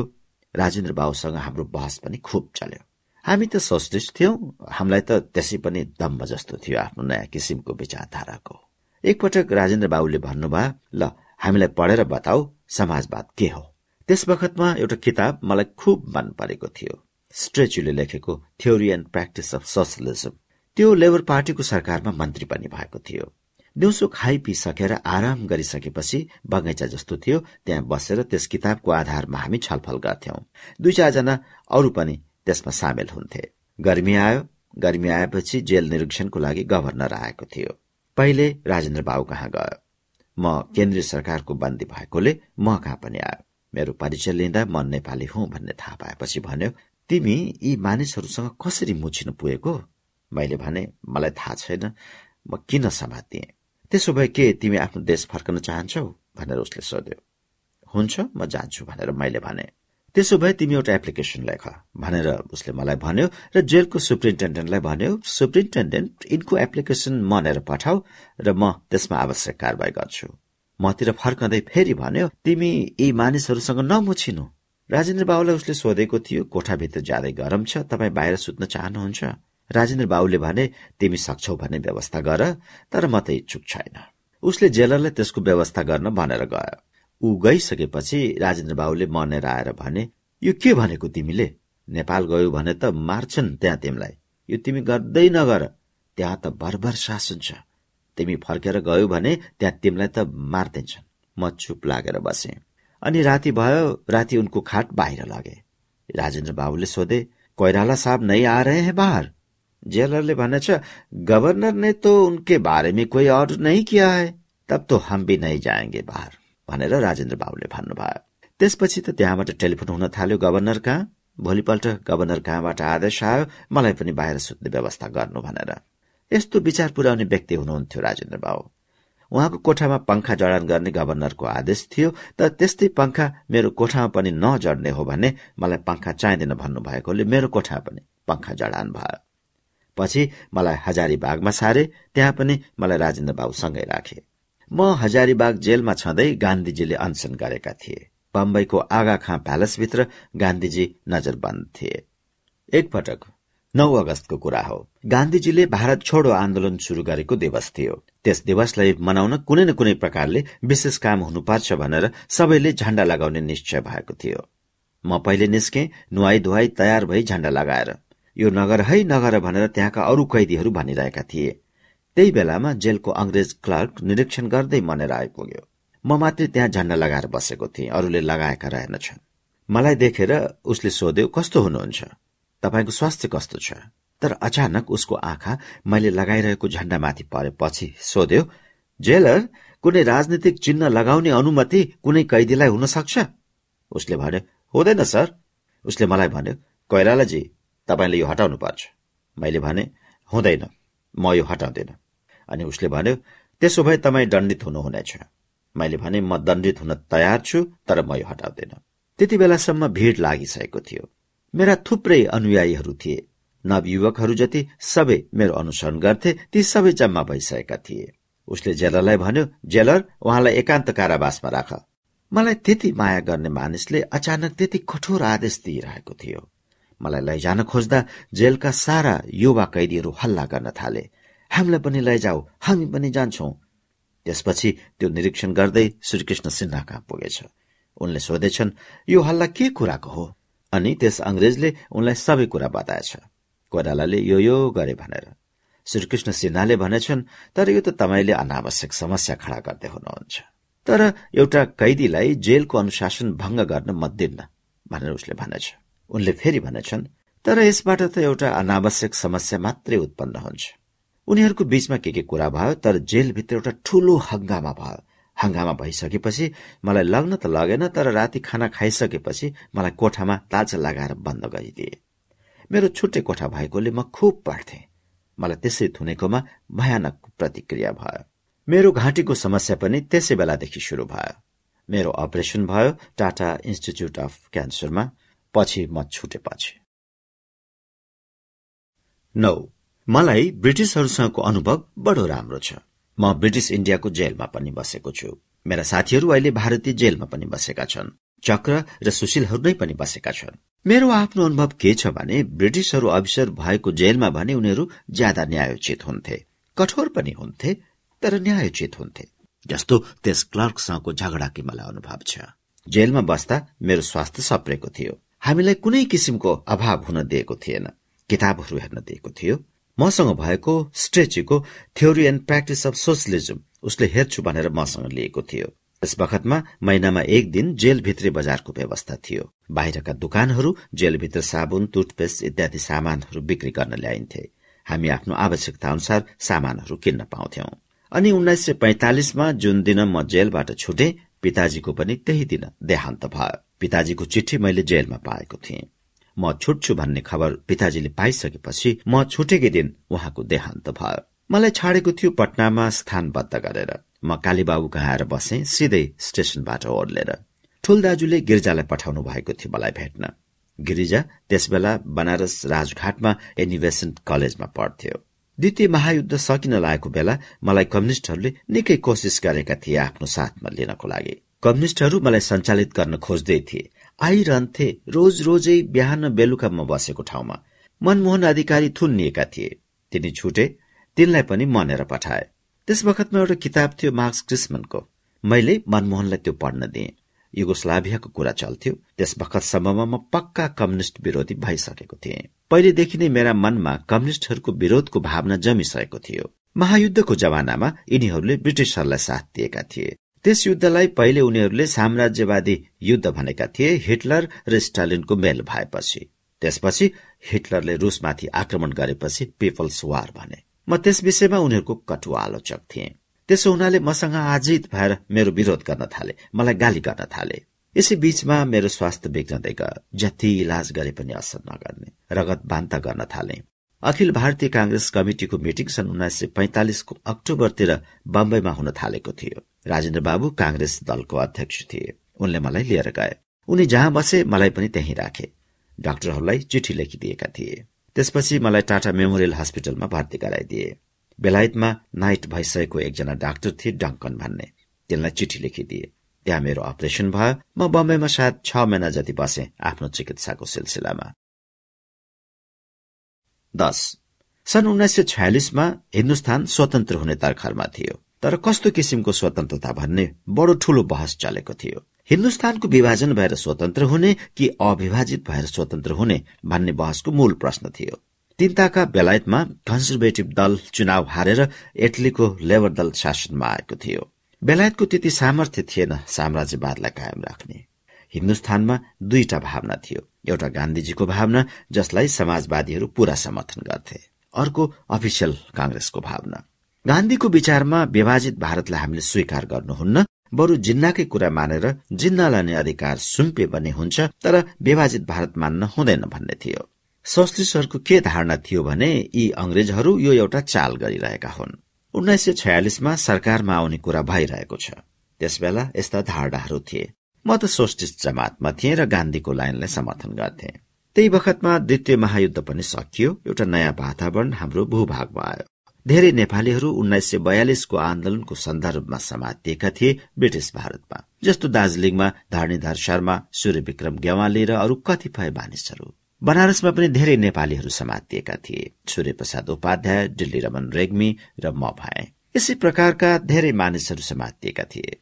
जुद्ध शमशेरको बारेमा सबैलाई थाहा थियो उनी जिद्दी र कठोर शासक थिए जो नयाँ परिस्थिति विकसित भएको छ त्यसलाई नबोच्ने। पद्म शमशेर अलि नरम किसिमका मानिस थिए। पहिले पनि उनका कुराहरू अलि उदार नीति हुनुपर्छ भन्ने थिए। मलाई खुशी पनि लागेको थियो उनी प्रधानमन्त्री भएपछि। मैले उनी प्रधानमन्त्री भएपछि उनलाई चिठी पनि लेखेको थिएँ कि अब तपाईँले अधिकार पाउनुभयो अब प्रजातन्त्र दिन पनि थाल्नुपर्छ। जनताको राजनीति थाल्नुपर्छ। त्यही बखतमा मैले चार अक्टोबर उन्नाइस सय छयालिसमा एउटा वक्तव्य दिएँ र के भने भने नेपालमा द्वितीय महायुद्धपछि नयाँ परिवर्तन स्वतन्त्रताको लागि आएको छ। त्यसलाई त्यस अवसरलाई हत्याउनको निम्ति व्यापक आधारमा नेपालीहरूको एउटा प्रजातान्त्रिक संगठन बन्नुपर्दछ मेरो त्यस आह्वानको व्यापक प्रत्युत्तर मैले पाएँ। मलाई चिठीहरू आए मलाई मान्छेहरू भेट्न भनी आए र नेपालबाट लुकी लुकिकन पनि आए। त्यसपछि मैले भन्ठाने यसलाई अब संगठनात्मक स्वरूप दिनु पर्यो। त्यसको लागि म बनारस आए। बनारसमा मैले कृष्ण प्रसाद भट्टराई गोपाल प्रसाद भट्टराईलाई भेटे। गोपाल प्रसाद भट्टराईले काशी विद्यापीठबाट पत्रकारिताको अध्ययन पूरा गरेका थिए र उनी बडो खद्दरधारी पनि थिए। उनले बडो उत्साह देखाए। एकजना अर्का व्यक्ति बालचन्द्र शर्मालाई पनि भेटे। उनलाई राजनीतिसँग वास्ता थिएन भर्खर भर्खर एमए पास गरेका थिए र सर्भिस खोजिरहेका थिए। मैले तिनीसँग पनि कुरा गरे। दार्जीलिङमा हिन्दू मुस्लिम दंगा भएको थियो। त्यसबेला त्यहाँका मारवाड़ीहरू र अरू व्यापारिक समुदायले नेपालीहरूले संरक्षण दिन सक्छन् सुरक्षा प्रदान गर्न सक्छन् भनिकन नेपालीहरूको एउटा जमात बनाउन सहायता गरेका थिए। अनि त्यसै बखत मेरो सम्पर्क भयो महावीर शमशेरसँग। महावीर शमशेर बडो उटपटाङ किसिमका मानिस थिए। जब ब्रिटिसहरू हट्न थाले भारतबाट ब्रिटिस सरकारले उनले भनेका थिए मलाई बर्मा आराकानतिरको कुनै एउटा टापु देऊ म त्यहाँको राजा बन्छु। पैसा पनि उनीसँग यथेष्ट थियो। उनलाई अलिकति संगीतमा अभिरुचि थियो भायोलिन सिक्थे बडो सहनसँग बसेका थिए। तिनमा सम्पत्तिको ठूलो अहंकार थियो। कलकत्ताको हुमायु प्लेस भन्ने सिनेमा हल उनकै थियो। अर्को चाखलाग्दो कुरा के थियो भने उनी जुन घरमा बसेका थिए त्यो वारेन हेस्टिङ्स बसेको घर थियो हेस्टिङ्स रोडमा। जुन घरमा वारेन हेस्टिङ्स बस्दथ्यो त्यही घर उनले लिएका थिए। म गएँ तिनीसँग भेट्नलाई। उनी त एकदम शाही ठाटले बसेका थिए। मलाई धेरै बेर पर्खाइसकेपछि उनको सालाले माथि खबर लेखेर पठाएछन्। Your excellency BP Koirala is seeking an audience with you उनले त्यो कुरा मलाई नदेखाएर लेखेका थिए जो पछि उनले मलाई भने। महावीर शमशेरले मलाई माथि बोलाए। बोलाएर मलाई के भने भने तपाईँहरूलाई पैसाको जरुरत पर्छ भने म पैसाको इन्तजाम गर्छु। दिन्छु। मेरो एउटा भाइ छन् सुवर्ण शमशेर। हामीहरू दुईजनाको सल्लाह के छ भने मैले जति खर्च गर्दछु जति दिन्छु उनले पनि त्यत्तिकै दिने। त्यसो हुनाले तपाईँ आफ्नो काम गर्नुहोस्। त्यस बखतमा यही सब कुरा चलिरहेका थिए। एउटा कमिटी बनेको थियो कलकत्तामा र एउटा कमिटी बनेको थियो बनारसमा। बनारसको कमिटी एकदम फाका मस्तीमा भएका मानिसहरूको थियो। पैसा बिना नै चलिरहेको थियो। त्यस बेलासम्म देवी प्रसाद सापकोटा बाँचेकै थिए। उनी पिताजीका समकालीन थिए। हामीले भन्ठान्यौं त्यसको सभापति देवी प्रसाद सापकोटालाई बनाऊ। सेक्रेटरी सायद गोपाल प्रसाद भट्टरालाई बनाउने विचार भएको थियो। त्यो एउटा पार्टी बनाउने तयारी गर्नको लागि बनाउने कमिटी जस्तो हुने भयो। अब पार्टी बनाउने कुरा चलेपछि सम्मेलन कहाँ गर्ने भन्ने कुरा उठ्यो। कलकत्तावालाहरूले भने सम्मेलनको खर्च हामी बेहोर्छौ त्यसो हुनाले त्यो कलकत्तामा नै हुनुपर्छ। म सम्मेलन बनारसमा नै गर्न चाहन्थे। तर बनारसवालाहरूले खर्च बेहोर्न सक्दैनथे र समर्थ पनि थिएनन्। अन्त्यमा सम्मेलन कलकत्तामा नै गर्ने निश्चय गर्यौं केही व्यक्तिहरूको सम्बन्धमा। म यसै प्रसंगमा भनिहालौं व्यक्तिगत स्पर्शका कुराहरू छन् जस्तै बालचन्द्र शर्मा। पछि तिनको कस्तो विकृत मनोवृत्ति भयो। जब मैले पहिला पटक उनलाई भेटे उनलाई राजनीतिमा पटक्क अभिरुचि थिएन। उनका दाजु र भाउजू थिए उनका साथ। त्यही बखतमा उनले एउटा नियुक्ति पाए। उनको एउटा सहपाठी एल्युमिनियम फ्याक्ट्रीको मालिक रहेछ त्यसको इलेक्ट्रोप्लेटिङ सेक्सनको लागि एउटा म्यानेजर चाहिएको रहेछ। त्यसैमा त्यसलाई भोलि नियुक्ति गर्छु भनेको रहेछ। मैले तिनसँग अघिल्लो दिनको साँझमा कुरा गरेको थिएँ। मेरो कुरा सुनेपछि उनलाई बडो दुविधा जस्तो भएछ। उनले भने मलाई दुई चार दिनको समय दिनुहोस् उनले नियुक्ति लिए अफिस सजाए फर्निचरहरू किन्न लगाए र काम शुरू गरे। अनि तीन चार दिनपछि उनले भने म भोलि तपाईँलाई जवाब दिन्छु मेरो अफिसमा तपाईँ आउनुहोस्। मलाई उनको अफिस कहाँ थियो भन्ने थाहा थियो म गएँ। उनको एउटा सेक्रेटरी पनि थियो र उनी बाजफ्ता अफिसमा बसिरहेका थिए। उनले भने मैले तपाईँको कुरा राम्ररीसँग सोचे। यसरी नोकरी गर्नुभन्दा त देशको लागि केही गर्नुपर्छ भन्ने लाग्यो। अनि त्यसपछि उनी अत्यन्त निष्ठाका साथ राजनीतिमा लागे। किसुनजी त त्यति होइन तर गोपालजी फेरि अर्को कर्मठ किसिमको मानिस थिए। किसुनजी एमएमा पढ्नुहुन्थ्यो। उहाँले भन्नुभयो म पनि पढाइ छोड्छु म पनि तपाईँको साथमा काम गर्छु। बटुक प्रसाद उपाध्यायको अभिरुचि रहेछ अखबार निकाल्ने। उहाँ युगवाणी निकाल्ने काम गर्न थाल्नुभयो। एघार। गणेशमानजीको सम्बन्धमा पनि बडो रोचक अनुभव छ। उहाँ जेलबाट भागेर जानु भएको थियो। उहाँ त एउटा रोमान्टिक व्यक्तित्व भइसक्नु भएको थियो। भागेर गएकोले ब्रिटिस शासन भएकोले भारतमा पनि उहाँलाई समात्ला भन्ने थियो। त्यसो हुनाले लुकेर बस्नुहुन्थ्यो। उहाँ निलो प्यान्ट निलो जर्किन र दुवैतिर पकेटहरूमा कागज पत्र र अखबारहरू र एकदम जिग्रिङ्ग परेको कपाल लिएर साइकलमा बेतहसा हिँड्नुहुन्थ्यो। ऊ गणेशमानजी भन्ने मात्र देखिन्थ्यो। एक ठाउँबाट अर्को ठाउँमा भौतारी रहनुहुन्थ्यो। उहाँ कलकत्ता र बनारसको बीचमा यात्रा गरिरहनुहुन्थ्यो मलाई लाग्दछ अरू केही त्यस्तो महत्वपूर्ण काम गर्न सक्नु भएको थिएन। मैले इच्छा गरे भेट्नु पर्यो गणेश मानजीसँग बनारसको ठठेरी बजारमा एउटा नेवार व्यापारी थिए देव शंकरलाल। तिनले हामीलाई खुब मदत गरेका थिए। तिनका आउनुहुन्थ्यो गणेश मानजी मैले उनलाई भने मलाई एकपटक भेटाउ गणेश मानजीसँग मैले गणेश मानजीसँग भेट्ने इच्छा त गरे तर त्यसले गर्दा देव शंकरलाललाई बडो हाँस उठ्दो समस्या परेको थियो। गणेश मानजीले कहाँ भेट्ने? बीपीले उनी कहाँ जानु भएन किनभने त्यसमा बीपीको दर्जाको विचार राख्नुपर्ने। गणेश मानजी बीपी कहाँ भेट्न आउनु भएन गणेश मानजीको पनि दर्जाको विचार गर्नुपर्ने। त्यही उडेट भुनमा उनले तीन चार महिना बिताइदिए कहाँ भेट्ने? मलाई झोक चल्यो। मैले भने यसमा दर्जाको के कुरा छ? म तिमी कहाँ आउँछु? त्यही भेट्न सक्छु। गणेश मान्छेलाई लाग्दो रहेछ म किन बिपीलाई भेट्न जाउँ? उनी नै म कहाँ आउनु पर्छ। अनि मैले देवशंकर लाललाई भने यी सबै फजुलका कुरा छोड मलाई गणेश मान्छेसँग भेटाउ त्यसपछि गणेश मान्छे कलकत्ता गएको बेलामा र म पनि कलकत्ता भएको बेलामा एउटा होटलमा एकै पटक दुवैजना पस्ने भनेर उनले प्लान गरेछन्। तर मलाई भेट्न भनेर गणेश माझी कलकत्ता जानु पनि नहुने। चित्तपुर रोडमा एउटा नेवार व्यापारीका गणेश पानजी बस्नुहुन्थ्यो र म मार्बल हाउसमा गएर बसेको थिएँ। उनले चित्तपुर रोडको एउटा पञ्जाबी रेस्टुरेन्टमा बेलुका चार बजे चिया खानको लागि बोलाएका थिए र मलाई ठिक चार बजे पुग्न भनेका थिए।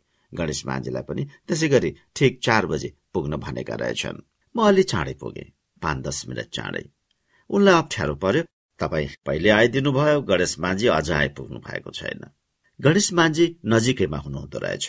चार नबजुन्जेल ओहोर दोहोर गइरहनु भएको रहेछ। उहाँ आउनुभयो अनि कुराकानी भयो। गणेश माझीमा त्यसको कत्रो प्रभाव पर्यो भने उहाँ अझै पनि त्यो कुरा सुनाउनुहुन्छ। उहाँ अलिकति सचेत हुनुहुन्थ्यो आफ्नो मानको। म त्यो पनि थिएन उहाँलाई मेरो बारेमा के के लागिरहेको थियो मैले भेटेपछि उहाँमा मेरो व्यवहारको ठूलो असर परेछ। म बडो साधारण किसिमबाट कुरा गइरहेको थिएँ। उहाँले आफ्ना कुराहरू राख्नुभयो मैले आफ्ना कुराहरू सुनाएँ। गणेश मानजी मेरो कुराबाट निकै प्रभावित हुनुभएछ। उहाँ भन्नुहुन्छ तपाईँले त्यस किसिमबाट त्यस्तो व्यवहार गर्नुभयो नम्रताका साथ। म त नतमस्तक भए।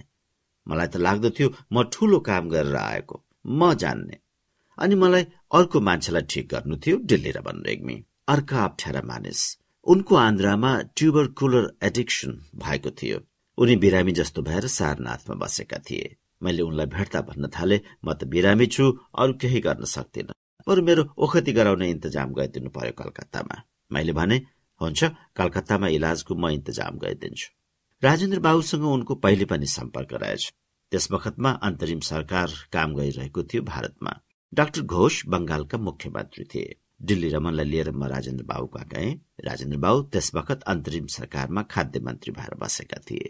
जवाहरलालजी मन्त्री परिषदको उपाध्यक्ष थिए र माउन्ट बेटन अध्यक्ष थिए।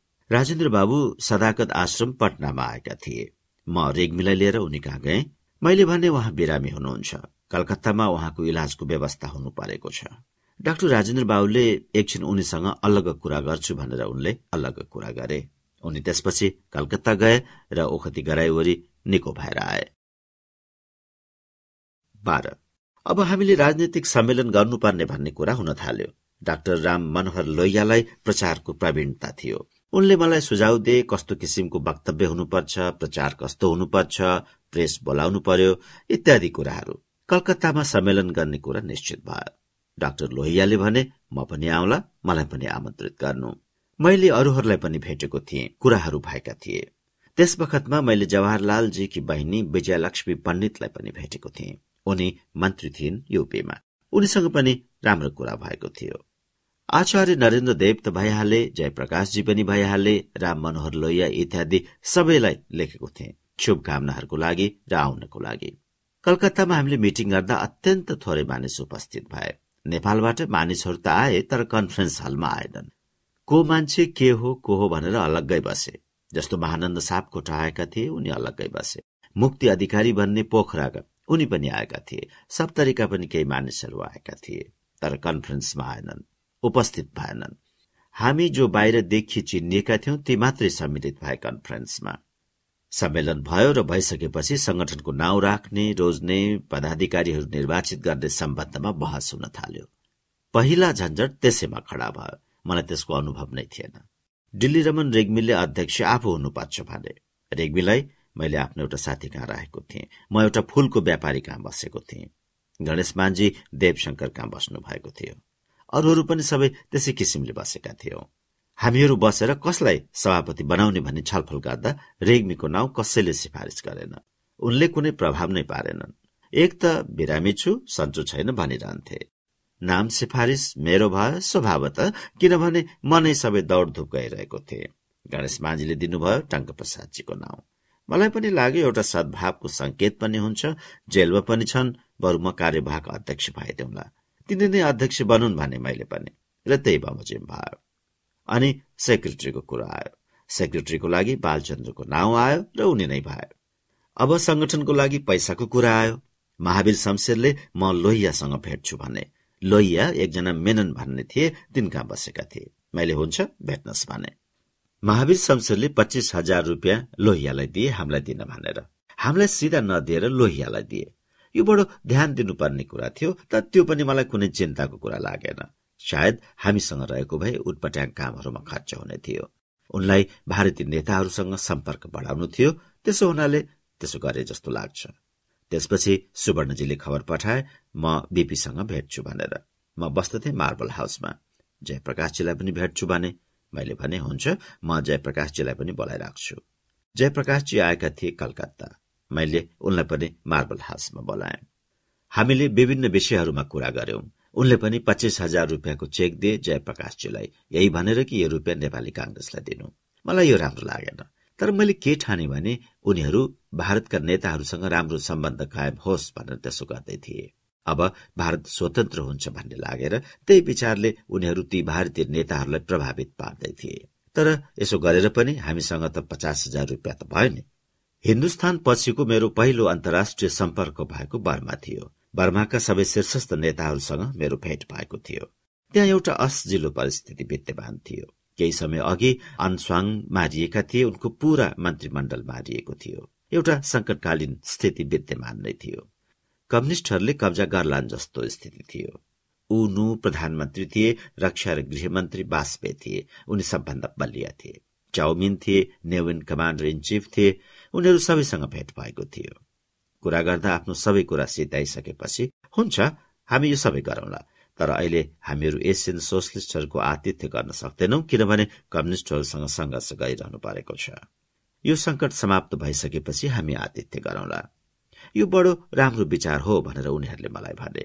म बर्मामा छँदै कम्युनिष्टहरूको एउटा विशाल सभा भएको थियो जसमा उनीहरूले घोषित गरेका थिए हामी यस सरकारको विरूद्धमा युद्ध शुरू गर्नेछौ। एसियन सोसलिस्ट कन्फरेन्स बारेको कुरा सकिएपछि मैले आफ्नो कुरा राखे। हामी नेपालमा संघर्ष गर्छौ यो संघर्ष सशस्त्र हुनेछ। त्यसमा तपाईँहरू हामीलाई मदत गर्न सक्नुहुन्छ कि? भनेर मैले सोधेँ। त्यहाँ एउटा उहा आङ भन्ने थिए। ती पछि चीनमा राजदूत भए उनी पहिलो पटक आफ्नो विदेश विभाग संगठित गर्दै थिए।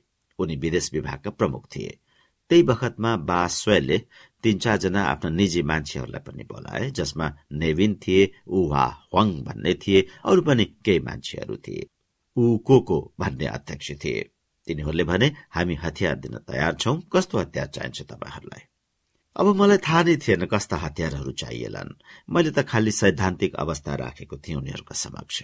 उनीहरूले भने हामी हतियार त धेरै दिन सक्दैनौ अलिकति नाम मात्रको दिन सक्छौ र अलिकति हामी जुन दाममा किन्छौ त्यही दाममा दिन्छौ। नेपाली कांग्रेसको तर्फबाट हतियारहरूको सम्भाव्यताको कुराबारे उनीहरूसँग छलफल गर्दा उनीहरूले भने त्यसो भए हामी कमाण्डर इन चिफलाई पनि बोलाउँछौ र अरू पनि त्यस सम्बन्धमा जान्ने मानिसहरूलाई बोलाउँछौ। त्यसपछि छलफलको लागि दुईजना बडो महत्वपूर्ण मानिसहरूलाई ऊ बास्वयले बोलाए। ती थिए ऊ वा वाङ र बास्वय उनीहरूले पनि भने कस्तो हतियार तिमीहरूलाई चाहिन्छ? मलाई त त्यसबेला हतियारहरूबारे कुनै ज्ञान थिएन अनि आफ्नो वेस्टमेन्टमा मलाई लगेर एक दुईवटा हतियारका नमुनाहरू देखाए। मैले भने हामीलाई त हलुका किसिमका हतियारहरू चाहिन्छ। यस सम्बन्धमा जान्ने मानिस पछि पठाउला। अहिले त सम्भावना पहिल्याउन मात्र आएको हुँ। उनीहरूले आश्वासन दिए कि तिमीहरूको क्रान्तिकारी संघर्षको लागि हामी मदत गर्छौ। मलाई अहिले मितिको सम्झना छैन। म त्यहाँ कहिले गए भन्ने सम्बन्धमा। तेह्र। त्यसै बखतमा विराटनगरको आन्दोलन शुरू भयो। उन्नाइस सय सत्तालिस मार्चको कुरा हो। जनवरी पच्चीसमा नेपाली राष्ट्रिय कांग्रेस बन्छ र मार्चमा त्यो आन्दोलन शुरू हुन्छ। त्यो आन्दोलन गिरिजाको नेतृत्वमा भएको थियो। मजदूरहरूका केही खास अधिकारहरूको प्राप्तिका लागि भएको थियो। त्यहाँ वास्तवमा मजदूरहरूको कुनै अधिकार थिएन। मिल मालिकले जे मन लाग्यो गर्थ्यो। गिरिजाहरू त्यस मिलमा कारिन्दाको काम गर्थे। गिरिजा तारिणी मनमोहन अधिकारी युवराज यिनीहरू सबै त्यस मिलका कर्मचारी थिए। त्यहाँ मजदूरहरूलाई निकै थिचोमिचो गरेर राखेका थिए त्यस मिलका दुई चारजनाले मजदूरहरूको बस्ने व्यवस्था खराब थियो पानीको कुनै व्यवस्था थिएन उनीहरूको क्वार्टरमा। ती सबैको माग राखेर उनीहरूले हड़ताल शुरू गरेका थिए। पूर्णत मजदूर हक र हितमा त्यो आन्दोलन शुरू भएको थियो। उनीहरूले ट्रेड युनियन बनाउन पाउने अधिकारको पनि माग गरेका थिए। यो माग राजनीतिक अधिकारको थियो। तर पहिलो राजनीतिक कारवाही त्यो भएको थियो नेपालको भूमिबाट। त्यसले कत्रो स्पन्दित गर्यो देशलाई र कति अनुकूल प्रतिक्रिया भयो त्यसको। अनि मलाई पनि टेलिग्राम आयो तपाईँ आउनु पर्यो भनेर। किनभने त्यो कारवाही त राजनीतिक स्वरूपको थियो। सरकार र मिल मालिकहरू संयुक्त भए र यता मजदूरहरूलाई जनताको व्यापक समर्थन थियो। त्यस वखत विराटनगरमा जनरल राम शमशेर बडा हाकिम थिए अनि म पुगे। हामीहरूले राष्ट्रिय कांग्रेसको तर्फबाट पूरा समर्थन गर्यौं। त्यसको राजनीतिक महत्व यस कारणले मात्र थिएन कि पाँच सात हजार मजदूरहरूले हड़ताल गरेका थिए। त्यो नेपालको भूमिमा खुला रूपले निर्धक्क भएर सरकारको अवज्ञा गरेर गरेको पहिलो आन्दोलन थियो। गाउँ गाउँबाट मान्छेहरू आए। हड़ताल गरेका पाँच सात हजार मजदूरहरूलाई खुवाउनु पर्ने स्थिति थियो। साराले चामल दिए दाल दिए पैसा दिए र हड़ताल चल्यो। पद्म शमशेर त्यस वखत प्रधानमन्त्री थिए।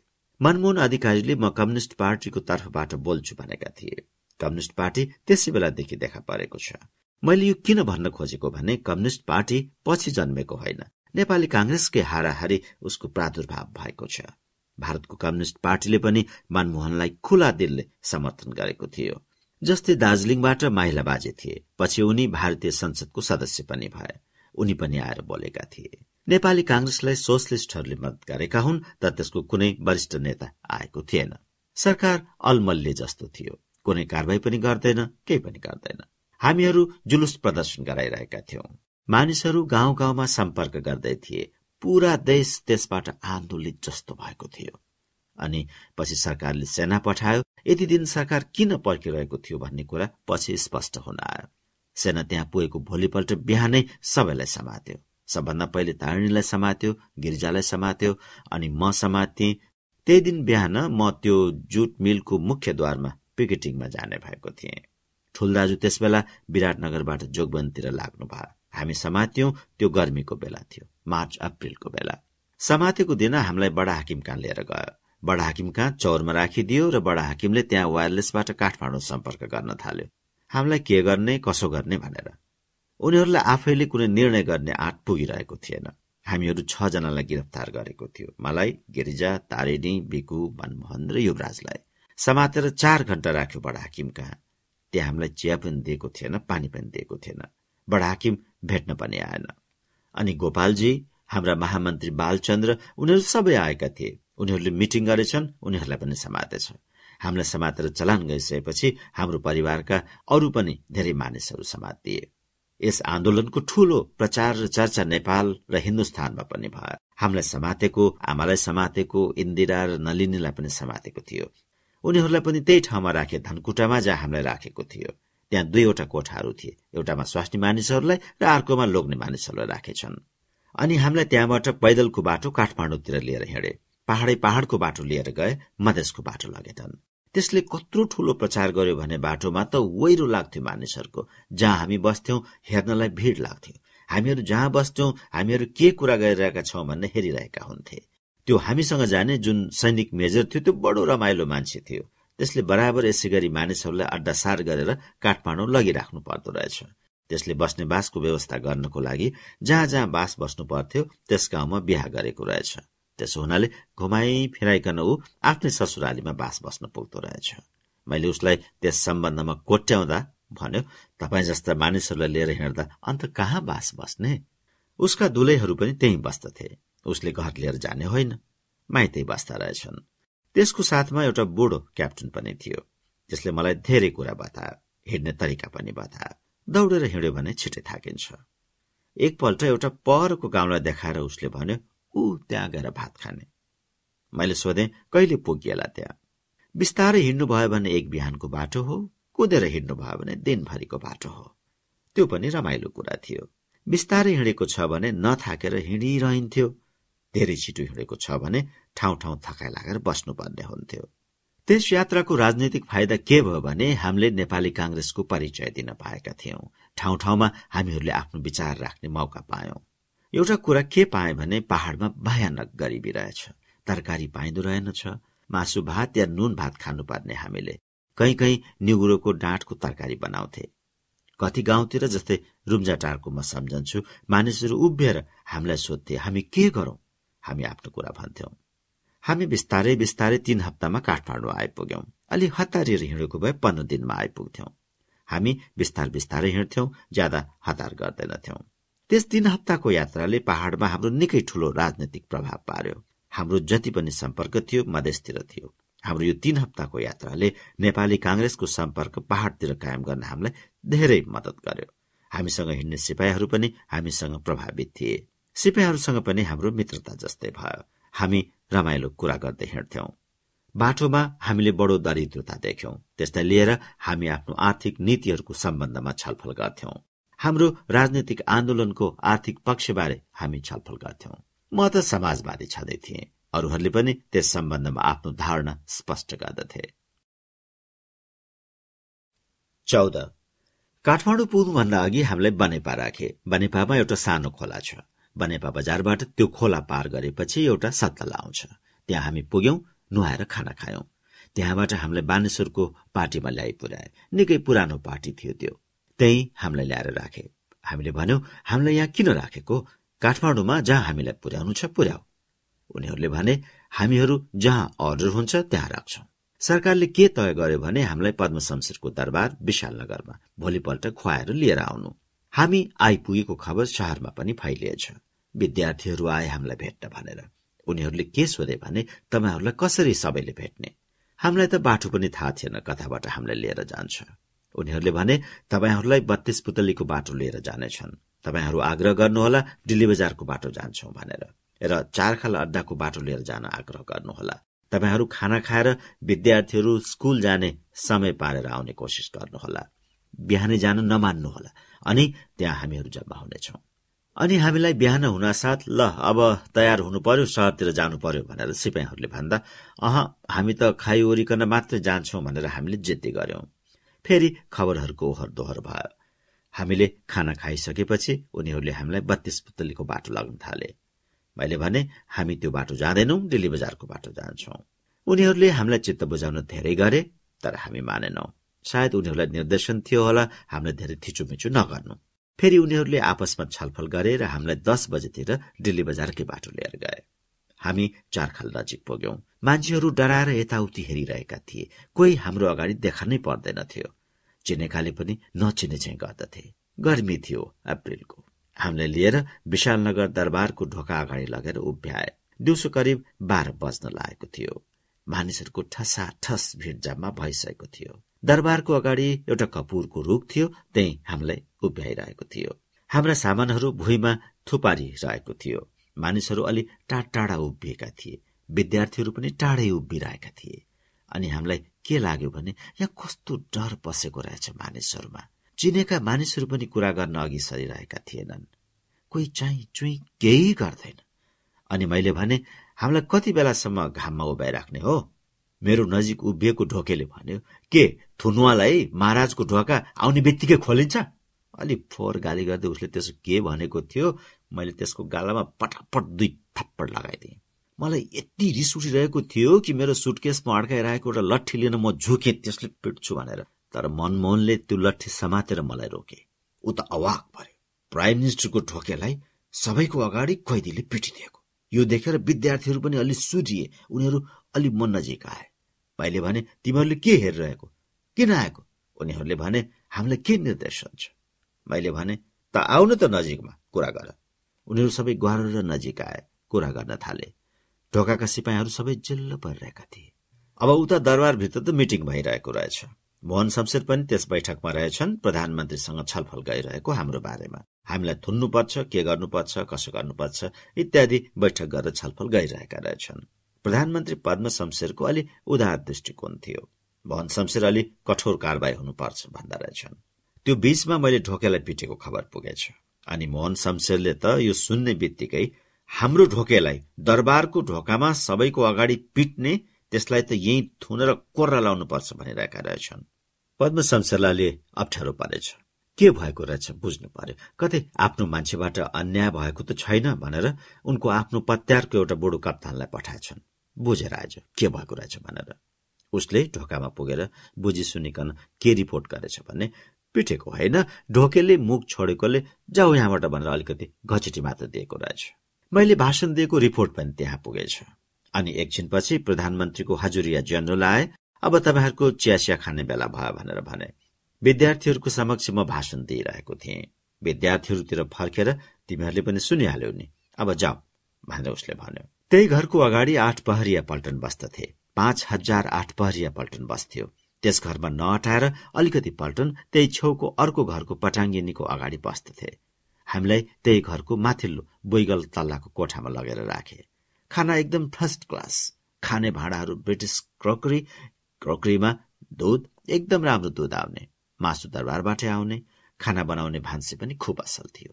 ओढ्ने थिएन भनेर ओढ्ने पनि आयो खद्दरको। त्यहाँ अरू कुराको त्यति दुःख थिएन तर समस्या के थियो भने बाहिरको कुनै सम्पर्क भइरहेको थिएन। त्यसै बेलामा एकपटक सूर्यप्रसाद उपाध्याय आइपुग्नु भयो अचम्मसँग डाक्टर भनेर पद्म शमशेरका डाक्टर थिए महेन्द्र प्रसाद उनी आइराख्दथे सूर्यप्रसादजी उनकै सहायक भएर मनेर आइपुग्नु भयो त्यहाँ। सूर्यप्रसादको बाबु भीम शमशेरको दरबाजिया भएकोले सूर्य बाबुको पनि पद्म शमशेरसँग त्यही किसिमको सम्पर्क थियो। उहाँले मलाई पद्म शमशेरले केही गर्न नसक्ने व्यवस्थाको कुरा उठाउँदै अब म पनि हिन्दुस्तान नै जाने भए भन्नुभयो। जयप्रकाशजीलाई चिठी लेखिदिनुहोस् म लिएर जान्छु भन्नुभयो। मैले हुन्छ भने। मलाई मनमोहनले रोके। कस्तो मान्छे हुन् कस्तो? तपाईँ किन लेख्नुहुन्छ? तपाईँको चिठीको कस्तो उपयोग गर्छन्? के के गर्छन्? ती त आखिर दरबारको मान्छे न हुन्। तिनको हातबाट तपाईँ जयप्रकाशजीलाई चिठी किन पठाउनुहुन्छ? अनि मलाई लाग्यो मनमोहनले भनेको पनि ठिकै हो। मनमोहनले मलाई चिठी लेख्नै दिएनन्। मैले नि सूर्यबाबुलाई भने भोलि पछितिर आउनुहोस् म लेखौँला त त्यसपछि उहाँ आउनु भएन हिन्दुस्तान जानु भएछ। हामी थुनिएको बेलामा विद्यार्थीहरूले केही गरिरहेको जस्तो लागिरहेको थियो। एकपल्ट केही विद्यार्थीले एउटा जुलुस लिएर आए। हामी थुनामा रहेको ठाउँसम्म।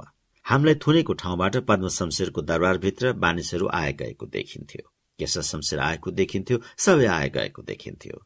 विद्यार्थीहरूको जुलुस आएर नारा लगाइरहेकै बखत मोहन शमशेर आफ्नो रातो मर्सिडिज बेन्च कारबाट भित्र आए जस्तो किसिमको मर्सिडिज कारमा हिटलर हिँड्थ्यो रातो किसिमको कारमा ठिक त्यस्तै कारमा मोहन शमशेर पनि हिँड्थे। उनको गाडी त्यस जुलुसले गर्दा रोकियो। म विद्यार्थीहरूसँग कुरा गरिरहेको थिएँ। उनका आठ पहरियाहरूले विद्यार्थीहरूलाई हटाएर मोटर पार गराए। गाडीभित्र पुगेको एकैछिन भित्र विद्यार्थीहरूलाई आठ पहरेहरूले अकस्मात चुट्न थाले। कस्तो चुटाइ गरे भने भयानक किसिमले। मैले भने तिनीहरूलाई किन चुट्छौ? चुट्छौ भने यहाँ चुट यहाँ मैले पो त बोलेको छु। ती सुन्नेहरूलाई किन चुट्छौ? त्यसको केही असर भएन। उनीहरूले विद्यार्थीहरूलाई भयानकसँग कुटेर धपाइदिए। त्यस घटनापछि हामीलाई त्यहाँबाट हतार हतार गरेर अर्को ठाउँमा सार्न थाले। त्यो त दरबारको मुख्य मार्ग थियो। अन्त राख्ने ठाउँ पनि थिएन। जेलमा राख्न पनि सकेनन्।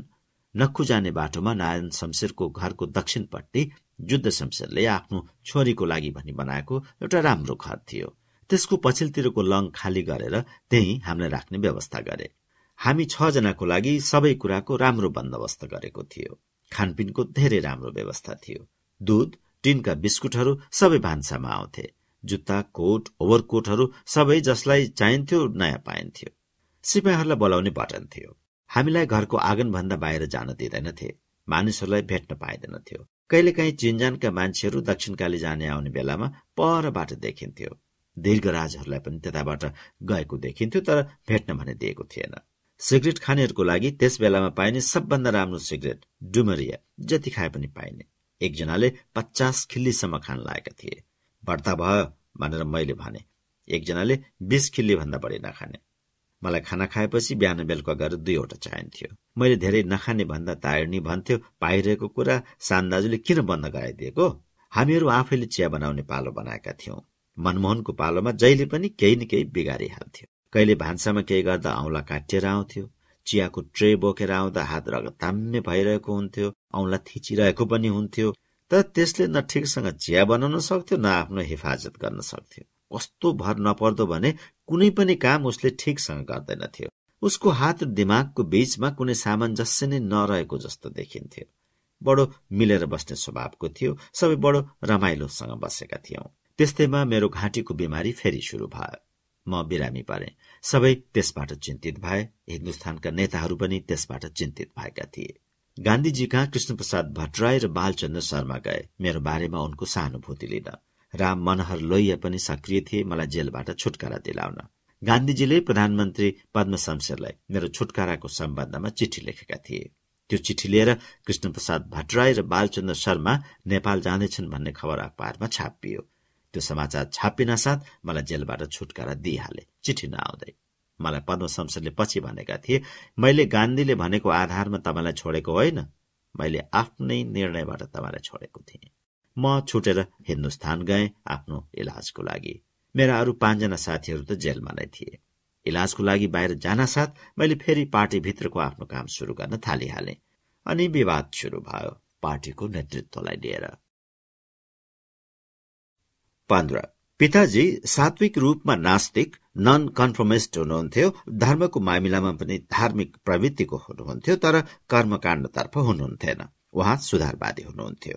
यथार्थमा उहाँ क्रान्तिकारी हुनुहुन्थ्यो। राजनीतिलाई मात्र सम्हाल्ने होइन। शिक्षा र सामाजिक जीवनका अरू पक्षहरूलाई पनि राजनीतिमा लागेको मानिसले सम्हाल्नु पर्छ भन्नुहुन्थ्यो। उहाँ कथा कथा गान्धीजीको जस्तो विचारधारा राख्नुहुन्थ्यो। एक दुईवटा घटनाहरू म सम्झन्छु उहाँको सम्बन्धमा। हामीहरू निर्वासनमा बस्दा पनि चन्द्र शमशेरसँग उहाँको सम्बन्ध। चन्द्र शमशेरले उहाँलाई किताबहरू पठाउँथे औषधिहरू पठाइदिन्थे। पिताजीलाई बडो अभिरुचि थियो दास्ताको शताब्दीमा कमारा कमारीहरूको मुक्तिमा। हामीहरू कहाँ? अघि धेरै कमारा कमारीहरू थिए। मलाई दुई चारजना कमारा कमारीहरूको अहिले पनि सम्झना छ। हामीहरूको निकै काम गर्ने कमारा कमारीहरू थिए। पिताजीको सेवा पनि गर्थे। एक दुई कमारीहरू पिताजीलाई माया गर्थे जस्तो लाग्छ। पिताजी पनि उनीहरूलाई माया गर्नुहुन्थ्यो। एउटी इन्द्रवदन भन्ने कमारी थिए। मलाई कथा कथा त्यसको सम्झना छ। तिनीहरूलाई हेरिरहन्थे। तर सबभन्दा ठूलो दुःख उनीहरूको के थियो भने उनीहरूको कुनै पारिवारिक जीवन हुँदैनथ्यो पिताजीले चन्द्र शमशेरलाई यो दास प्रथा उन्मूलन हुनुपर्छ भनेर हमेसा भनी पठाउनुहुन्थ्यो मलाई लाग्छ सायद यो उन्नाइस सय चौबिसतिरको कुरा हो जब चन्द्र शमशेरले निश्चय गरे दास विमोचनको अम्लेखको। उनले काजी रत्नमानको मार्फत पिताजीलाई लेखे यो दास विमोचन तिमीलाई कस्तो लाग्यो? चन्द्र शमशेर त्यस्तो सम्बन्ध राख्थे पिताजीसँग। उनको इच्छा के थियो भने पिताजी आउनुहोस् नेपाल तर दबेर आउनुहोस्। पिताजीको एउटा घटना मलाई मार्मिक लागेको थियो। पिताजी कहाँ जानु पर्यो भन्ने कुरा आउँदा पिताजीका एउटा नेवार जौहरी मित्र थिए। उनी जवाहरातको कामको लागि बनारस आएका थिए। कलकत्ता र बम्बईमा उनको कारोबार थियो। तिनको नाम म बिर्सिरहेको छु। उनले पछि पनि हामीलाई मदत गरेका छन्। तिनले भने म पुर्याइदिन्छु टिकट किनेर म पुर्याइदिन्छु तिनैसँग म गएँ कलकत्ता। पिताजी बस्नु भएको थियो सुब्बा तारानाथका। कवि थिए उनी। उनको ठूला दरबारहरूसँग सम्पर्क थियो। उनी के गर्दथे भने यहाँको कुनै दरबारको केटी वा केटासँग हिन्दुस्तानको कुनै दरबारमा विवाह गराइदिन्थे र त्यसबाट उनले जो कमिसन इत्यादि पाउँथे त्यसैबाट उनी निर्वाह गर्थे। उनी एउटा घर लिएर बसेका थिए कलकत्तामा। पिताजी त्यही बस्नु भएको थियो। पिताजी त्यहाँ बडो दुःखका साथ बस्नु भएको थियो। कसरी बस्नु भएको थियो भने किस्तीलाई घाँटीमा फित्ता लगाएर झुन्ड्याएर अनेक प्रकारका माल सामानहरू राखी हरेक माल दो दो पैसा भनेर कराउँदै फुटपाथमा बेच्ने गर्नुहुन्थ्यो। अनि कहिले बाहुला भरि माला झुन्ड्या जस्तो विभिन्न किसिमका माल सामानहरूको माला झुन्ड्याएर फुटपाथमा ट्राममा बेचेर हिँड्नुहुन्थ्यो। हिँड्दा हिँड्दैको ट्राममा त्यसो भन्दै चढ्ने उत्रने बेच्ने काम पनि गर्नुहुन्थ्यो। त्यसबाट जे जति पैसा आउँथ्यो आफ्नो काम चलाउनु पर्थ्यो। त्यस्तो अवस्थामा हुनुहुन्थ्यो पिताजी। म उहाँको हिम्मतको नमुनाको रूपमा त्यो सम्झन्छु पिताजीसँग म बसेपछि उहाँले मलाई पढाउन थाल्नु भयो कागज किन्नलाई पैसा थिएन।